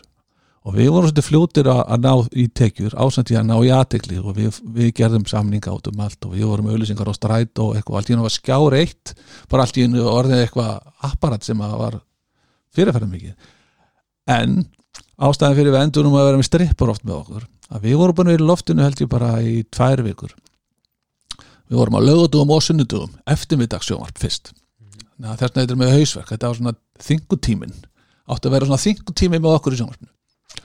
Og við hérna erum á, á laugadegi og það ringir í okkur maður sem að er ætlar að vera með einmitt keppni í súludansi. Og um, spyr hvort það getur komið með stelpur í heimsók til okkar og tala um þessa keppni og við segjum bara já, já, já, flott. Fjara tíma þættir, bara allt efni gott. Og svo mæta þær hann á lögati á sama tíma er hús á sléttunni í gangi, gangi á, á, á, á hérna stöð. 2 líklega. Stöð 2 að verða að endur sína húsi á sléttunni á þessum tíma. Og Rúf var með beina útsendingu frá United Liverpool og við á óþektur í sjónvastöð með þátt sem var bara á örbylgjulofnitum og uh, sem var bara við að röfla með svona gömul tónlistamennbundin á milli og ykkur smávitul og, og fólk að ringa inn og eitthvað sem hefði aldrei gerst í sjónvarpi. Og svo mæta þessar stelpur og þá spyr ég eh, ef ekki að láta að dansa þess fyrir ykkur? Við sem bara, jú, jú síðan bara byrjar sjóið og þá var það ekkit svona bara svona þá var það ekkit svona bara neitt svona vægt sjó. Þannig að ég man eftir því, ég satt og leðilt að fólk geti ekki séð hérna stellinguna, ég satt held höndunum svona niður með stólnum til að sægist að ég væri pottet ekki að, koma með höndunum við manneskina þegar stóð allt sko, allsberg kona og höndum beint fyrir fram að mig og let sér svo síga hann að lappin að lendu sikkurum megin og aukslunum á mér og hérna og, og djásniði það sem, að, það sem börnum kom út var bara beint við nefa á mér sko. Og þarna er maður bara svona ok, hvað gerist núna? Bein útsending beinútsending álöfandi við nýjir byrjaði með hana þátt. Svaka töffarar og letum prenta fyrir okkur áruðunarspjöld áður en fyrstu þáttur fyrir loftið því við vorum svo frægir og hérna það sem gerðist var það rofnaði gerfin þetta samband akkurat á þessum tíma á leiknum Liverpool hérna United. United.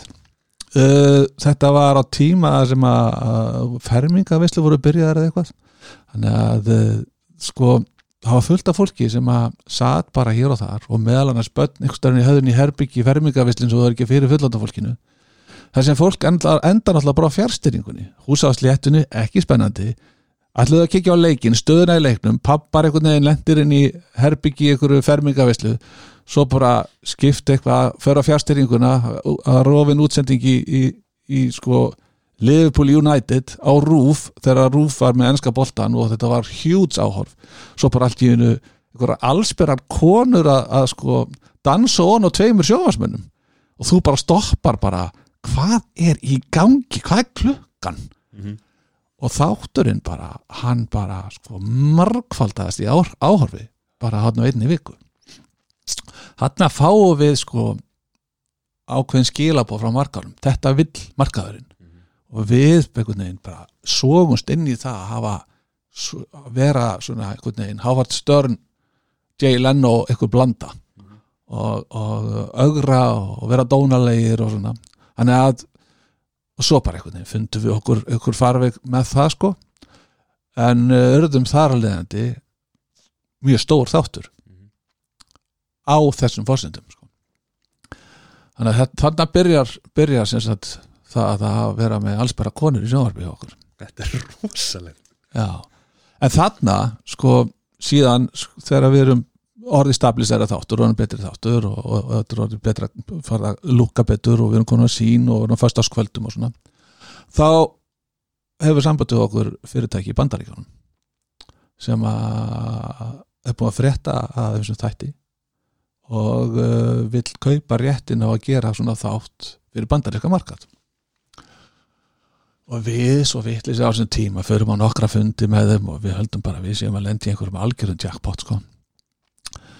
Og þá er þeir reyna bara að pumpa okkur um allt formatið og koma staði í hvað við í rauninni höfum skráð mikil réttindi sem við höfum ekkert gert. Hvað, akkur eru við að skrá einhver réttindi á þáttin okkar til þess að og formata? Því að við áttum ekkert að við vorum að finna upp format. Og það er ekkert rosalega mörg format til í svona live sjónvarsþáttum þannig að finna upp nýtt format í, í sjónvarsheiminum er mjög uh, verðmætt finna upp viltu minna miljón eða hvað sem það heitir og bara mm. finna upp svona format að gera hluti á nýjan hátt ræða þeim rétt saman og, og fá svo eitthvað leifi fyrir formatinu og getur sér endur selta á alla markaðins eða virkar á einu markað virkar að líkla á fleiri.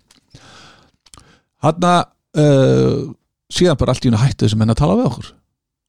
Og það var eitthvað komið að þið tala um peninga. Á þeim og við vorum í rauninni til í hvaða samning sem er bara að þið sko komið aftast í einhverju þætti í bandaríkjunum og það eru byggt á okkar hugmynd og nöfnin okkar.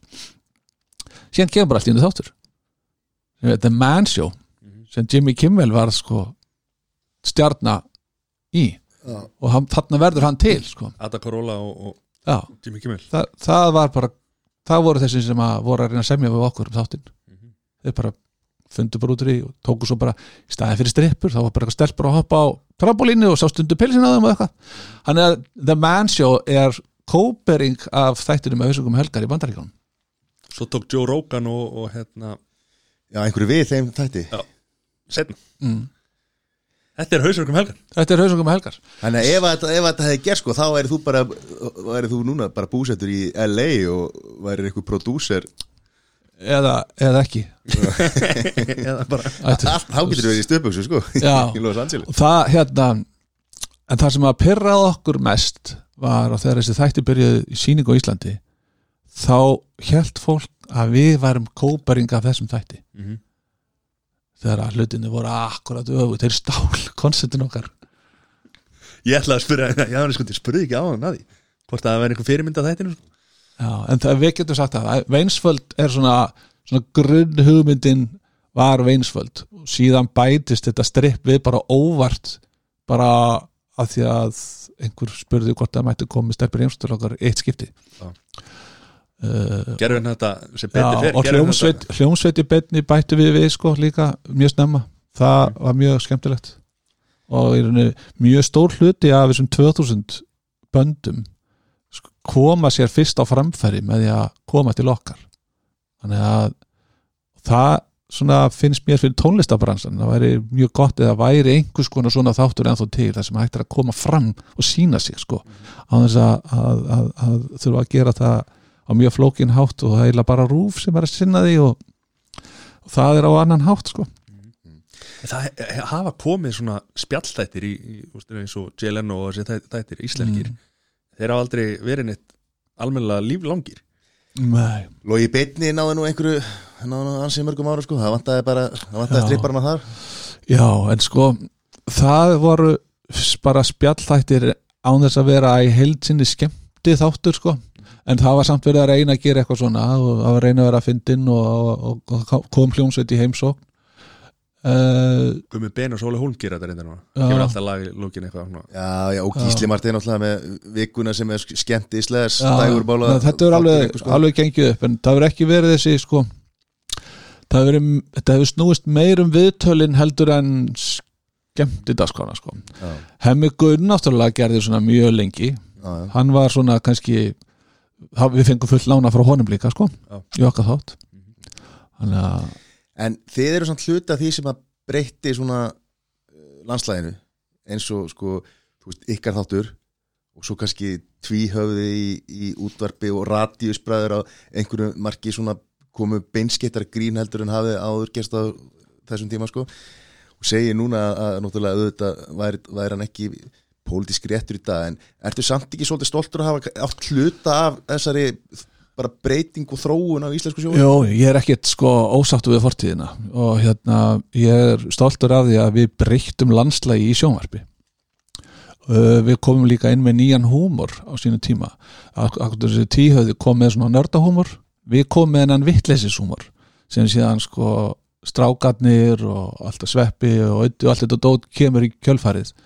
Og þessi vittleysishúmor að vera að gera einhverja vittleysu eða láta einhvern gera vittleysu sem er eiginlega svona badnamalis sko uh, leikir oft sko. Við settum það bara á eitthvað fullorðins level og gerðum svona vittlesu og og, uh, og uh, sko það einkendi húmor í svolítið langan tíma á eftir þessi vittleysa, svo bara deyr það eins og allt sko. Og kemur síðan aftur í einhverju annari mynd. Að að hérna það var á undan okkur er einmitt uh, sko spaukstofuhúmorinn sem er svona bitslapp húmor sko. Mhm. og síðan hérna uh, kemur akkurat anstæðan að því er tvíhjáða húmorinn sem er svona gáðumanna nörda húmor. Og uh, og við komum svo bara einhvern veginn aftur hinum meginn frá með svona vittleysis húmor sem að kannski nær spöggstofu gríninu sko, þannig að þetta er alltaf einhver svona pendull þú, þú, þetta er alveg svo í, í, í, í, tónlistinni að, að þetta einhvern veginn þegar það komið oflangt í aðráttina þá bara snýst það alveg í hina eins og það disko bara, og svo kemur bara punk á eftir. Og það er eins í húmor. Þannig að við erum svona við erum svona eitt af þessum öflum sem að bjótið svona sviss í húmor. Það er mjög skemmtilegt að hafa verið verið hérna partur á soliði sko. Ég man úlingur á þessu tíma sko. Maður, að þetta voru það skemmtilega þetta maður horfði á ruggla sko. Þú veist, að því að maður náði hljóðinu sko. En, en svo var myndin alltaf bara ruggluð sko fyrir þá sem að mun eftir að sjónvarp bara einu sem svoleiðis. Að því að hérna þetta voru náttúrulega bara bara frábæra þetta þannig að ég vissi ekki að það væri strippur að þetta var allt ruggla fyrir mér sko. Einmitt þessar helviti en góð sko. en, en, en eftir á þá man fólk mikið eftir strippunum. En þær voru ekki ekki stóra þema í þættinum. Nei. það var bara nokkra mánuða fresti kom strippa sko. En, en uh, öðruleiti þá var þetta bara ros, eh, sko að skoða þættina sem að fáir fá að gera. Uh, það er bara rosa samtíma heimildir þannig á einhverjum tímapunkti þá munum við í, á einhverju formiti leifa fólki að, að sko, skegnast þarna inn í þessa fortíð sko. Að þú, þetta er svo þetta er svo, þetta er svo sko þetta er svo auðveld leið til að skoða bara hvernig var samfélagið á þessum tíma. Hvernig var skemmtanalífið? Við vorum alltaf með eitthvað sem var eins og allir skemmtanalöggu og, og, og, og síðan Batti Rugl. Þeir voru hérna báðir karakterar sem fóru á skemmtanalífið og voru svona að skoða hvað er að gerast þar og talaði að fullt fólk og svona. Við túruðum mikið og vorum að búa til skemmtanir hér og þar og mikil innslög þaðan. Uh, ég var alltaf að kynna nýjar íþróttir einhverjar, svona jaríþóttir svo vorum við bara að kynna okkur sko, vinnumenningu. Ég gerist lauruglumæðar einu sinni í, í, í, í sko, eina næturvakt til að vita hvernig er að vera lauruglumæður þá vorum við að hjálpa lauruglaskólanum að fá fergar umsóknir.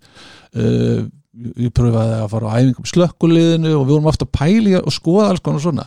Svo vorum við líka í rannsarnablaða mennsku við vorum að, að að finna hluti sem að voru kannski á jæðrunni í samfélaginu og, varpa betur ljós á það. Fundum eitthvað stelpur sem voru búin að opna vændisús, tókum viðtal við þær um, um starfseminna þeirra tókum viðtal við eitthvað sko glæpamann um það hvernig hann væri sko viljandi að búa til sko, skuldir hjá uh, dópistum sem að þurftu svo að brótast inn fyrir að borga skuldirnar og þar var hann með bara pöntunarlista í hvaða hús og hvernig hérna hvað, hvað Dóti átt að stela.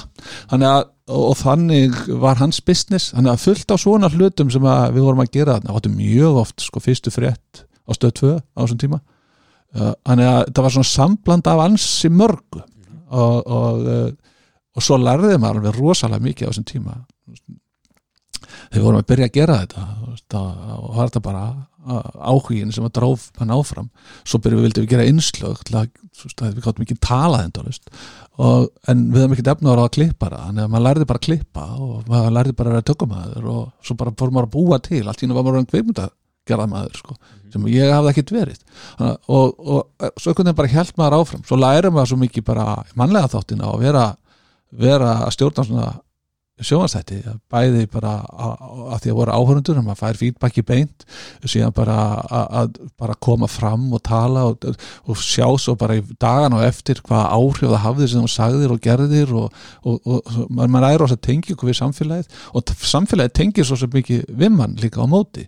Þannig að þeir sem þurfa að koma ykkur á framfæri er alltaf að setja þessi í samband við þig. Þannig að allt í hennu að maður komið risastórt sko hérna svona tengslanett uh, þannig að og hefur hjálpaði bara gegnum tíðin að já, bara hluta þessu sko já, en er ekki svona svolítið leiðilegt að þetta standi upp úr þú veist með hvað þið voruð að gera mikið þá er bara þessir- strippurnar? já, þú veist nei, nei, við getum bara sjálfum okkur kennt um það sko. já, þannig að já, nei, já, þú veist bara að, því- að því að það var helli fyrir annars Já, var annað, já. sem að gleymis bara skilur að því Já, að já. hitt var svo resa stórt sko en, en sko bara um, dagstæðlega pæli ég aldrei í Nei. þessum þætti sko.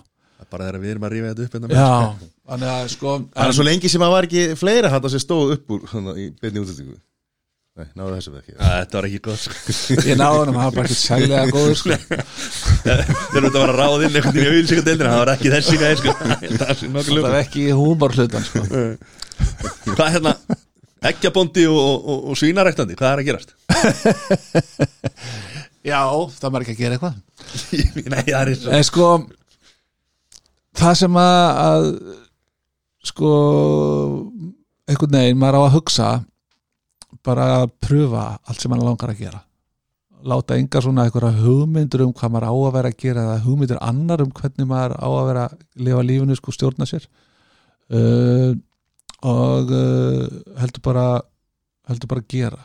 Og uh, uh, ég, við fjölskyldan við um hús í Hrísei og þannig að, að við erum oft þar. Og þar var félagi minn sem að býr í Hrísei sem að þetta er Kristinn Átnarsson hann uh, var að passa hænur fyrir félagið sinn. Gefa maður borða meðan að það var enginn í húsinu þar. Og, og týndi ekkin í staðin fyrir sjálfan sig. Þannig að launin voru að fá ekkin og hann var eitthvað að gefa hænunum og, og gefa þeim matarafganga og hann sagði hvað gerum við þetta ekki bara á stærri skala í Rísið og svona vistvæn eiga söfnum bara saman allir matarafgangum með öllum heimilunum og erum bara með eitt stórt hænsnabú og breytum matarafgangunum í egg. Og hann segir þess að hugmynd sem mig og hann hafði hann er sko búin að vinna sem bústjóri uh, við bæði svínarækt og, og, og nautgriparækt sko, gegnum tíðina og var á einogrunum stöðunum sem voru að því tísei þannig að hann hefði reynslu af því að halda dýr. Uh, þannig að mér leist strax vel á veist það gekkið hugmynd, það hefði ég bara mér langar að vera með. Mhm. hann alveg, já, langar að vera með þessu. Langar þið að vera í- allt ínn í búskap. Já, ég var í sveit í sjö sömur þegar ég var krakki og mér alltaf haft gaman að, að, því að, að hugsa eitthvað og svo bara matvæla framleysla líka áhugi, áhugi hjá mér. Þannig að við byrjum bara að pröfa og, og, og fáum okkur nokkar landjársænur og gerum tilraunir og, og, og, og sko gátum keift uh, einogrónustöðina sem var fyrir svín og hafði ekki verið notkun í mörg ár fyrir mjög gott verð á þessum tíma keiftum það, byrjum að pröfa með nokkrar hænur og, og það er að ganga upp, ekki neða að seljast bara í búðinni í Hrísi Mhm. þannig að fyrir að þróum flottar umbúður og svona og sækjum um styrki og, og uh, fáum styrk til að klára, gera hugmyndin að klára og uh, sækjum svo um sko lán á byggðastofnun til að geta gert þetta bara að almennu fullkomnu búi og vera það í fyrsta skipti sem að landnámshænur eru notaði sem varphænur á einhvern stórum skala. Og það bara gekk vel, umbúðunar eru afgerandi og flottar og ekkinur er mjög góð á bræðið mjög betri sko bræðgæði heldur en maður er vanur að fá að það er, það er, það er bara herra hlutvall af rauðu og uh, það er uh, við erum með svona fjölbreyttara fæði svo verpað er bara ekki daglega. Þannig að það er alls konar hluti sem að svo getur vel verið einhverjum öðru finnist sko önnur ekki betri en þau eru meira minn eins. Og þarna bara hittum við á hvað sem að, sem að virkar. Getur virkað á litlum skala svona nema á hrísinska mælik var það á stórum skala og uh, þetta er mér skemmtilegt. Svo fer ég bara reglulega norður og þá er ég svolítið bara, ég móka skít og eitthvað og pakka eggjum og, og það tengi mann. Uh, Sex ekki pakka? Sjö ekki pakka. sjö ekki pakka og, og, og, og, og passar betur í ískapin þetta er ekki svona fyrir í ískapnum Já. þetta er svona, svona stokkur, ekki að stokkur Já. þannig að hann, þú getur stungið honum inn í ískapin og þess að taki í rauninni alla hilluna. Og í sko, flestum ískapum þá passar þetta akkurat í hurðina það sem að eggjabakkin er sem enginn ennir á nota Mhm. af því að þá er það að taka úr umbúðum til að setja þessi passa bara beint í þá hillu. Þannig að þetta er svolítið pælt sko. og til í Hrísey einhverju búðum Akureyri og fjaraðköpiða Já, og, og, uh, og var að koma núna í Hakupkringlunni og við getum bara ekki framleitt fyrir fleiri bili en við erum með ansi marga unga sem að fara að verða varphæfir. Þannig að í júni þá verður verður búin að tvöfalda rúmlega afkastaketuna þannig að þá kemur þetta fleiri búður smakkaði sér ekki og, og, og, og, og svo náttúrulega meðalabúðin þeir selja vel og, Já. og veslunum ránga og, og svo er hérna uh, matabúðin nándi hafnafyrir, það er svona nokkrum stöðum. B. Jensin og Akureyri og Þetta er þessi litlu kaupmennu hótninu sem að hérna Já, fjaraköp og, og, og, Fjaraðköp er alltaf kaupmennu hótninu já, bara risastór kaupmaður á hótninu. og stóru, hóttum með stór bílastæði Mhm. fjaraköp selur mjög vel og, og, og fjaraköp var til í að vera með okkur frá byrjun. Og það hérna það var mjög mikilvægt. Þetta er eins og segir í, nú er auðlýsingamæður ein stök verslun. Einstakvæslun, já, já, ég gerði einu sinni auglýsingu í fjaraköp fyrir mörgum ára síðan sjóðsauglýsingu hún, hún hefði ekki fengið enn vel, hún var ekki mjög góð. En þá hugsuðu við sko uh, fjaraköp sem svona ævindiregi þá var einhver sjómasáttur að fara í loftið sem heit ævindiregan íslensk, íslensku þáttur, ykkur raunveruleika þáttur ég man ekkert hvernig sá þáttur var. En, en þeir eru ætluðu að vera sponsorar af því við vorum að gera auglýsingu sem myndi einhvern veginn uh, virka við það. Við fengum eitthvað svona vakstarðartröll til að róa á bát yfir bílastæðið sko svona hann það virkaði eins og hann væri á floti Mhm. að búðinu því að hann var svona æmyndir eigin svona ein einhvern veginn. Ég man ekki nákvæmlega hvernig þessu auðlýsing var en, en þetta Hljómar not, not, vel sko. not my finest moment sko.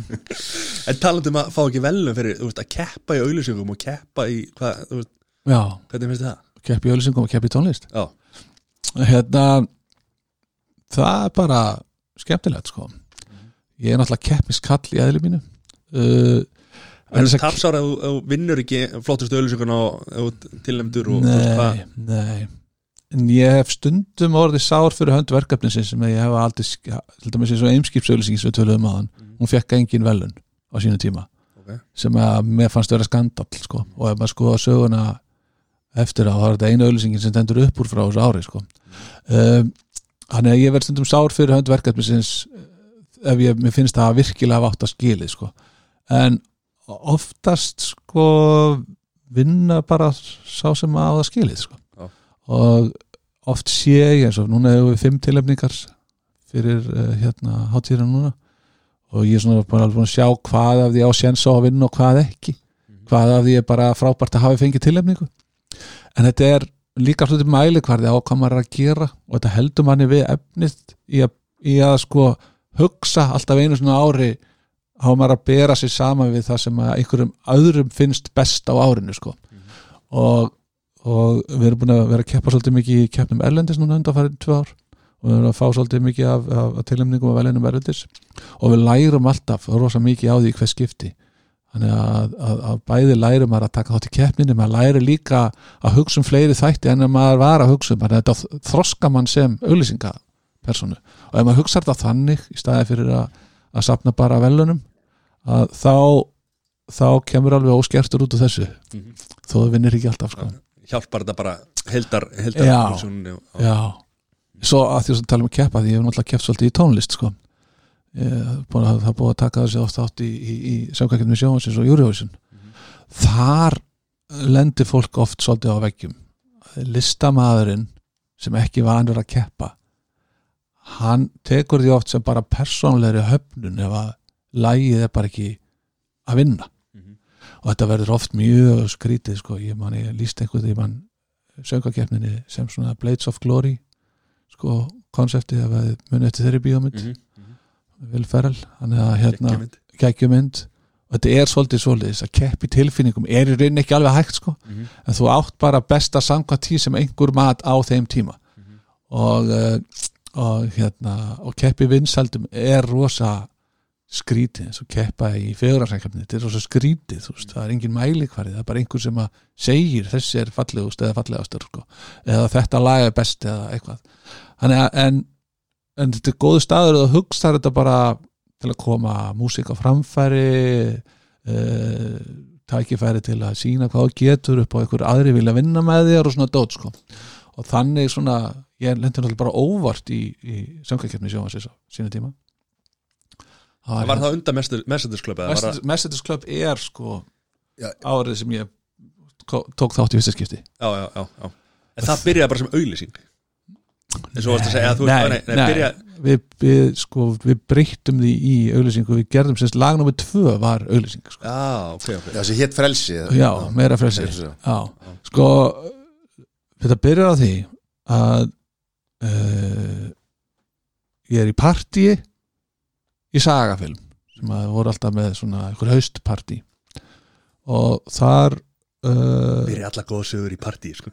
já, og þar er hérna þar hitti ég Barða og, uh, og Björn Jörundur var að vinna á þessum tíma á Pipar. Og Bjössi við hliðan á mér og hann og Barði þekktust mjög vel og voru að tala saman og ég er einhvern veginn með í, í því samtali. Og þessum tíma þekkti ég Barða ekki neitt. Uh, á einhverjum tímapunkti þá verður Majan og sem bara gul í þessu partíi og, og, og það þarf að fara eitthvað annað. Og uh, Barði var hérna með einhverja nýja tónlist sem að, sem að hann langaði að lefa okkur að heyra. Og Bjössi var akkurat nýbúin að klára nýlum með nýdöns sem hann langaði að lefa honum að heyra. Og það var stutt heim til Barða þannig að við bara löpuðum þangað. Fórum í stúdíu hjá Barða þar sem að þeir voru að skiptast á að lefa okkur öðrum að heyra nýja tónlist og ég er svona bara með í því og, og hérna og svo fyrir Barði að segja sko, svo er ég að taka með verkefni hérna sem að ég veit ekkert hvernig ég á að leysa. Ó, hvað var það, segir Bjössi. Já, ég sko það var að gera eitthvað þátt sem heitir lögataslögin sem að verða að velja lög fyrir sko Eurovision. Ég kann ekkert svona sko, það er að sviðsetja þetta og gera eitthvað og það þarf að vera eitthvað svona vitleysa. Og ég er náttúrulega eins og maður verður oft sko. Ég kann það. Ég kann þetta. Ég skilin að pop heim og, og þetta er svolítið mikið marketing og eitthvað ekki fyrsta sinn sem setur fólk ber, berta ofan á, á sviði sko. nema hann að voru að Já, en það var nú ekki sko, hann var bara að segja mér að gera þrjú atriði. Fyrsta lægin sem hann samti fyrir keppnina, hétt á ballið á. Og það var svona að- sem verið að gera grín af sko poptónlist þar sem að það þurfti að bæta ákveð, bæta atkvæðin í textan svo hann virkaði, þannig að lægi hétt á ballið á. Og, og hérna og uh, var mjög skemmtilegt lag og, og ég fer ég að finna út úr því hvernig við siðsettum þetta og hvað, hvernig fáum til að syngja þetta. Fekk bötta í Dalton og, og hann að hérna uh, datt úr mér augnablik hvað hún heitir söngunan í hljónstinni Blágresi í dag. Allavega uh, mann eftir smástund í sögunni nafni á henni. Og, og hérna það fyrir á svið og fullt af konfetti og dóti og prótestin kemur til minn eða búin að hérna, ákveða hvað ætla að gera svo í undanúslutunum og ég alveg, ef við ekki bara fara ekki nú þennan þátt fyrst. Þetta við potið áfram, allir með þá hreinu. Svo bara fórum við ekkert áfram. Mhm. ég alveg var, hæ? þá kemur næsta lag þá er barði búin að semja lag sem að er svona dum dum dum dum dans. Og, og langaði að búa til eitthvað sem væri svona tungubrjóti fyrir kinnan. Þannig að lagið átt að heita ho ho ho, we say hey hey hey. Og það fannst honum svo fyndið af því að það er svo mikið Andy Kaufman grín í, í, í, barða og hann fannst bara svo fyndið að kindirinn þurfti að segja og næst fá við uh, lagið ho ho ho, we say hey hey hey þetta er þetta ógjastlega myndi sko. og sameiginlega unnum við nú í að hérna, búa til nafnið á, á bandið og svo sko segja hana bara svo þurfa að vera svona bara eitthvað vöðvatröll og eða ólíusmyrðar konur eða eitthvað í þessu og það bara þá þurfti ég að fara að finna út í. Og fyrsti sem ég ringi var Gils hann og ég hafði einhvern tíðan sagt við Gils hérna ég eftir að finna gott plattform fyrir því, þú ert eftir að verða stórstjarna, Mhm. þú ert eftir að vera frægur. Það var svona eitthvað í einhverju, einhverju svona macho svona gríni eins og gengur á milli stráka sem er uppillir að testosteróni Mhm. og hérna og ég ringi hann. Hafði haft hann í einhverju tveimur auðlýsingum áður og hann var útvarsmaður á, á, á Kiss FM þegar var 8. og segi, "Heyrðu, ég kom með það nú verður þú frægur, hvað á að gera? Þú ætlar að keppa í Eurovision. Já, já, já. Hvað á ég að syngja, já, já. Ok. Og þetta finna með þér einhverja aðra vöðakalla og svo hérna þurfum við að finna einhverja geggja söngkoni í þetta svo hérna er ég að tala um þetta í vinninni og, og þá kemur Bjössi með þessu ég þekki Seris fjóra, hann er líka svona helviti og hann er nú kannski búin að reyna eitthvað. Mhm. þannig að á þessum tíma þá rugglaðist ég sko og, og held að væri að tala um Cesar A og, og þekkti hann ekki neitt. Ringi í Seres 4 held að ég sé að fá Cesar A til að koma. Og ég sé að fá rappara sem er bróður hans erps. Já, já. fyrir, fyrir þann að þannig að við ákveðum að sko að hann ætti að taka rappkapla sem var búin til. Og svo þegar Seres 4 byrjar að rappa þau segi helviti, ég held að hann væri betri rappari. Mhm. þannig að þá kemur að ljósa að hann hafi verið punk punkari. Þannig að hann en hann, hann hafði aftur á móti vöxtinn í verkefnið. Þannig að hann æfði sig bara í því og varð síðan bara flottur rappari og svo tókum við bara að pröfa á fullt á söngunum og, og, og, og hérna og Rebecca endaði með að vera valinn og, og eitt svona besta sviðstýr sem það eru unni með alveg ógeðslega flott í að leika á sviðinu með, með áhörundum svo kemur þetta í sjónvarpi og það verður bara sprenging en það er í november úslitin er í februar þannig að það verður að halda læginu heitu að þetta, þetta er eina ári sem þetta var svona. Að það var bara keft allan veturinn. Það verður að halda læginu heitu november, desember, janúar, februar og þá loksins er kosið. Og við erum bara langvinnsalasta lægi langvinnsalasta atriði sko. og, og, og hérna og erum bara búin að vinna keppnina fyrir kvöldið. Nema að Örlugu Smári og, og hans teimi og Friðrik Ómar og Regina þau hefðu verið með freka slagt lag sem að komst inn sem að þau taka bara og, og uh, hétt fullkomi líf. Og breyta úr því að vera bara svona svona germuldar sveiflu lag eitthvað í að vera bara klúpa danslag, Páll Óskar gerir sko nýjans texta á ensku. Það er öllu breytt í læginu sko. Og þannig mæti það í úslitin þannig að það kom bara nýtt nánast nýtt lag. Þó að laglínan hafi verið svo sama en þó öll útsendingin allt, allt, allt og breytt. Og hérna og öllum óverum þá bara unnuðu okkur þetta kvöld sko. Já, ok. Þarna lærði ég mjög mikið. Mhm. og, og allt henni fór fólk að ringi mig til að byggja mig um að vera með sér í að gera söngakeppnistóta því að það tókst að halda þarna fjölmjölum upp fullum af Mercedes Club í, í margar vikur. Það var alltaf og forsýðu viðtal við Egil Einarsson hljómbórsleikara Hljómar var aldrei í sambandi, sko, höfum það alveg að reyna já, já, og kalla sér nema tónlistarmenn í eitt skipti nema eitt skipti. Við túruðum um helviti mikið og svo vorum við að túra hérna einhvern tímann. Og vorum á blöndósi og hérna og sko spilaðum við undan sálinni. Og, og uh, sko uh, þannig að Egil var bara ekki með sko bilaða hljómborðið sem við vorum alltaf að fælast með heldur bara að spila hann á hljómborðið hjá sálinni. Mm.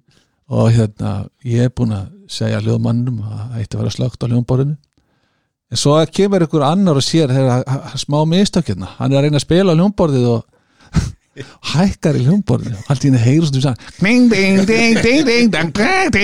eitthvað sem að hafði ekkert með tónlistin að gera. Og gæðslega fyndið. Ég alveg hljóp og tróðust í gegnum alla mannþrökina sem að var brjáð þú voru svo heita á þessum tíma að það var allt crazy sko. Já. það var miklu meiri í salnum þegar þeir sko merti spilaði heldur en sálinn spilaði sko. Og náði nú að, að, að hérna, skrúa niður í hljómbarinu með tólingum Herra, það er hljómsveit på sviði. Þessi, þessi tónlistarmenn bara alls ekki að heyrist í honum sko. Þetta er bara sjóið, sko. Já, þetta Þetta geggja mér Hvað, hérna, hvað er framöndar? Þú ætlar að, var ekki geggjur saga sem að þú ætlar að segja okkur sem við fengum ekki að vita í byrjun? Áður en við byrjum Erum við búin Það að er sambandið sjónvarstandinu Ég held að hann sé búin, að taka hana. Ég held að- já, sé búin að segja söguna sko. Geti það verið inn í, ok. Þess vegna alltaf ekki. Næja, klippa þetta já, hvað er framöndan? Já, er eitthvað ný verkefni eitthvað? Það er ekki bara að klára viðskiptafræðin og taka við hilsunni á pappa Er það ekki? Ég er að vitni eldgamalt árabátaskaup hann er að hérna einhverjir sem að eru 50 pluss er skilja hann að verða sko, ertu 50 pluss? Nei, Nei, þú er hort á þetta spólu. Sko, hérna uh, sko, það er bara að halda áfram að þróa sig. Uh, halda áfram að gera auglýsingar verða betri og betri í því. Uh, byggja upp stofuna í, í Oslo svo erum við bara að byrja að vinna svo mikið alþjóðlega að bara að halda áfram að þroska sig í því að vinna á alþjóðlegu markaði. Því að, að, að sko reka á svona stóra auglýsingastofu og vera alveg háður íslensku hagkerfi að það er erfitt og hættulegt. Þannig að við erum alltaf að auka og auka hlutall okkar af, erlendum tekjum. Hvernig gengur það? það gengum mjög vel. Uh, við erum uh, með eitt stóra viðskiptavinn núna í bandaríkjunum sem heitir Veitur sem að er svona app til að panta mat heim og uh, þar erum við núna að sinna að marka, markasetningu í 700 borgum. Þannig að það er svolítið skemmtilegt verkefni og stórt verkefni. Uh, uh, við vorum að vinna tvö nokkuð stór page sem að eru svona fyrir, fyrir alla Evrópu sem að ég mun segja, eða ekki ég þeir sem að eru í því, því verkefni munu segja frá því í, í, í fjölmjölum á næstunni. Þannig að kannski, ég veit ekki hvað er langt í þessi þáttu verður Bara núna fimmtæn Já, það er að Nei, það er ekki að segja, það er ekki að hlusta.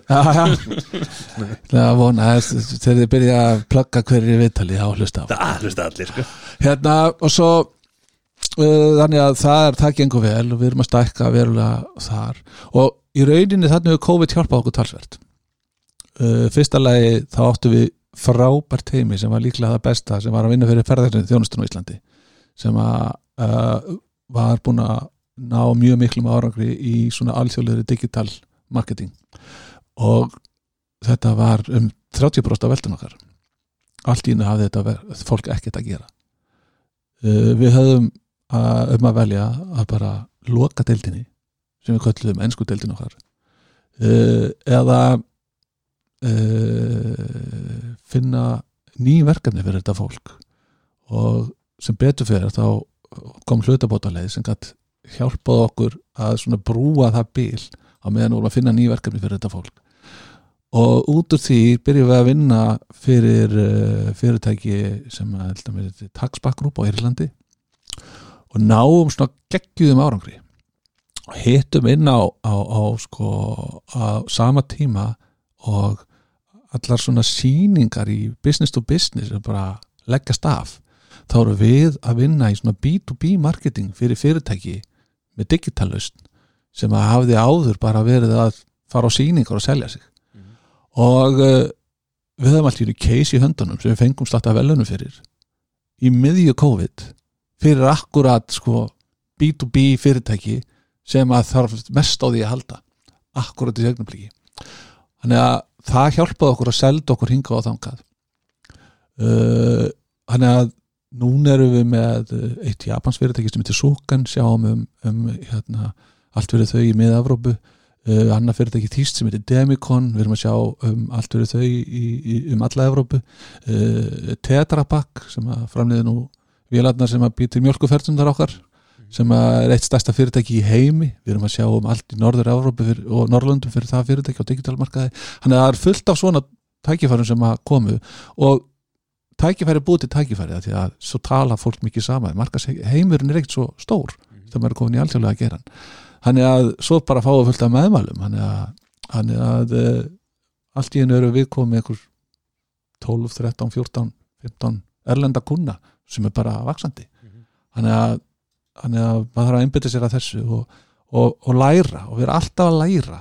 Ég vissi rosa lítið um digital marketing fyrir fimm ára síðan líka fyrir tveimur ára síðan með það sem ég veit í dag.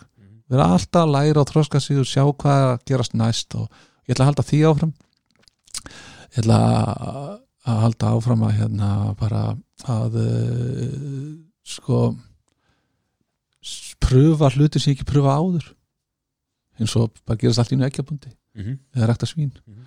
rækta svín er svolítið Já, já. svo, já, með þrjú svín sko. Þú varst með, ekki, það vantaði beikoni já, já og beikonið er geggjað af svona heima öldumæður.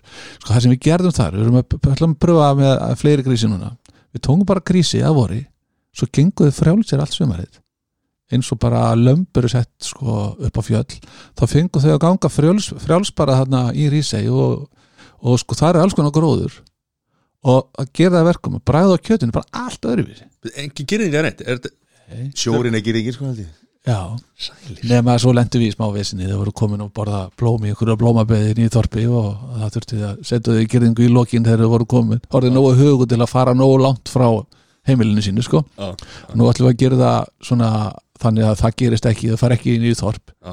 en nóga, viltum gróðri Mhm. og þá er þetta bara einhvern veginn allt annað sko. og beikonið er ekki, Hvað er þetta að fá þetta bacon? ekki. Nei, Við hérna höldum áfram bara að vera í sama tíma Það það er- Þegar kemur að alveg kannski kemur einhvern tíðan að því að við seljum sko af afverðir af þessum svínum. En í dag er þetta bara við og vinnur á vandamenn sem að hafa fengið gefið sjá okkur sko Mhm. bara til að, að sko pröfa hvað munurinn er á svínakjöti sem af einhverju sem er ræktað í, í, í stíu eða, eða, eða, eða grís sem hefur gengið frjáls sko í, í náttúrunni og fundið sína fæði sjálfur sko Við erum alltaf til að gefa þér einhver, einhver punktað og hendur á einhvern bacon sniðum hérna. En hvenær kemur ný bók frá réttöfundin? Valgeir? Já, rithöndurinn Við getum verið hérna í tíu tími sko það gekk vel með þessar bækur sem ég skrifa sem hafa komið út báðar komust á, á, á lista yfir mest heldur úlingabækur þess tíma síðan skrifaði ég bók sko svo 2006 er ég að skrifa bók sem að uh, hefur fengið nafnið undir Malbygginu sem að sem að hérna byrjum að segja akkur nafnið var til, svo skal ég segja eitthvað um bókina. Uh, ég var á Akureyri uh, vorum að búa til eitthvað gikk í sjallanum ég man ekkert tengt hverju held að það hafi verið tengt uh, held að það hafi verið tengt bylgjunni eða eitthvað og, og, og Kalli Örvars og ég erum eitthvað að fýblast, tala saman og, og fýblast eins og er svo gaman að fýblast og hann hérna var að segja mig frá því að hann var að byrja að vera fjölmjölamæður og var hann eitthvað útvarp akureyri til eitthvað sem að ég man ekki hvað hétt útak eða eitthvað. Og, og uh, hann, hann hérna byrjar að vinna þessir útastöð og, og uh, uh, uh, átt að fara að taka viðtal, fyrsta viðtal átt að taka viðtal við þá sem voru á einhverju kallara malbygga og hann fyrir að teka við á viðtal og, og skammaði þetta þegar hann kemur tilbaka og sagði, þú þarf að spurja meir út í hvað er var að gera. Eins og alltaf, hvað er undir malbygginu sem að honum fannst vera það mest uninteresting sem hann gætt ímynda sér. Akkur koma þessar hólur alltaf? Og hérna og ég sagði við hann ég ætla alltaf ekkert að skrifa bók sem heitir undir malbygginu og, og ég er búin að skrifa bókina. Hún heitir undir malbygginu og síðan var ég að skrifa hana 2006 og hún sko efni bókarinnar er uh, þessi þessi tókstarita sem var á milli gömlu peningana og nýju peningana á þeim tíma. Voru svona og, og ég sá fyrir mér svona típur eins og Jón Ásker sem að voru bara að taka fram úr sko gömlu heildsölu fjölskyldunum með ættanöfnin sko Mhm. og allt í hennu verða miklu ríkari. Og keppin sem var það á milli þeirra og sko og allt í hennu fóru svona típur úr, úr sko fjölskyldum sem að aldrei vildu vera ábyrjandi allt í hennu fóru að fara að láta mynda sig, ég sé hýrt í einhverju partíum að því voru að keppa við sko nýriku típurnar sko. Og, og hérna bókin er um um, um, um sko erfingja heildsölu sem er þriði ætliður og, og er í þessu, þessu umhverfi að reyna að keppa við nýrjökaliði sem að er bara á miklu meiri raða en hann. Og, og líka fekk sína stöðu af því að sko, það bjó hana til í staðan fyrir að fæðast í hana. Og þessari tókstreitu sem er í þessum heildsala um sko, hann er fættur til að vera með réttina því að vera svona típa en þetta, hvað er þetta fólk sko sem að sem að var bara að vinna hjá pappans eða afans sko allt í hennu að, að, að vilja? Og uh, hann er átt að segja því að hérna, hann er rauninni búin að setja heilsöluna í þrótt þannig að hann bara fór á langt í keppninni og þurfti að eiga sko svo stóra heilsölu og, og svo gæti ekki rekin eina því að þegar að hann misti einhver umbóð sko sem að einhver af þessum nýriku var búin að stela á honum sko sem að stela á honum sko. Og, og hérna hann er, hann er á leiðinni viðskiptaferð og, þarf einhvern veginn bara að hverfa. Þannig að hann fer og kassar út á þessum tíma gæti maður svona kassað út sko flugmiðan og fengið hann bara borgað henni peningum út á forfalladryggingu og það var eini peningur sem hann átti þess að búið að loka kreditkortinu og uh, hann veit að það er bara næstu mánuðum og þá bara hann bara kemst að því allt í einu bara þegar hann er að opna póstinn og bara roksins fattar hann hvað hann er komin út í hotn þannig að hann keiri hringin í kringum landið. Það allir halda hans í útlöndum og engin veit að það er allt komið í fokk sko.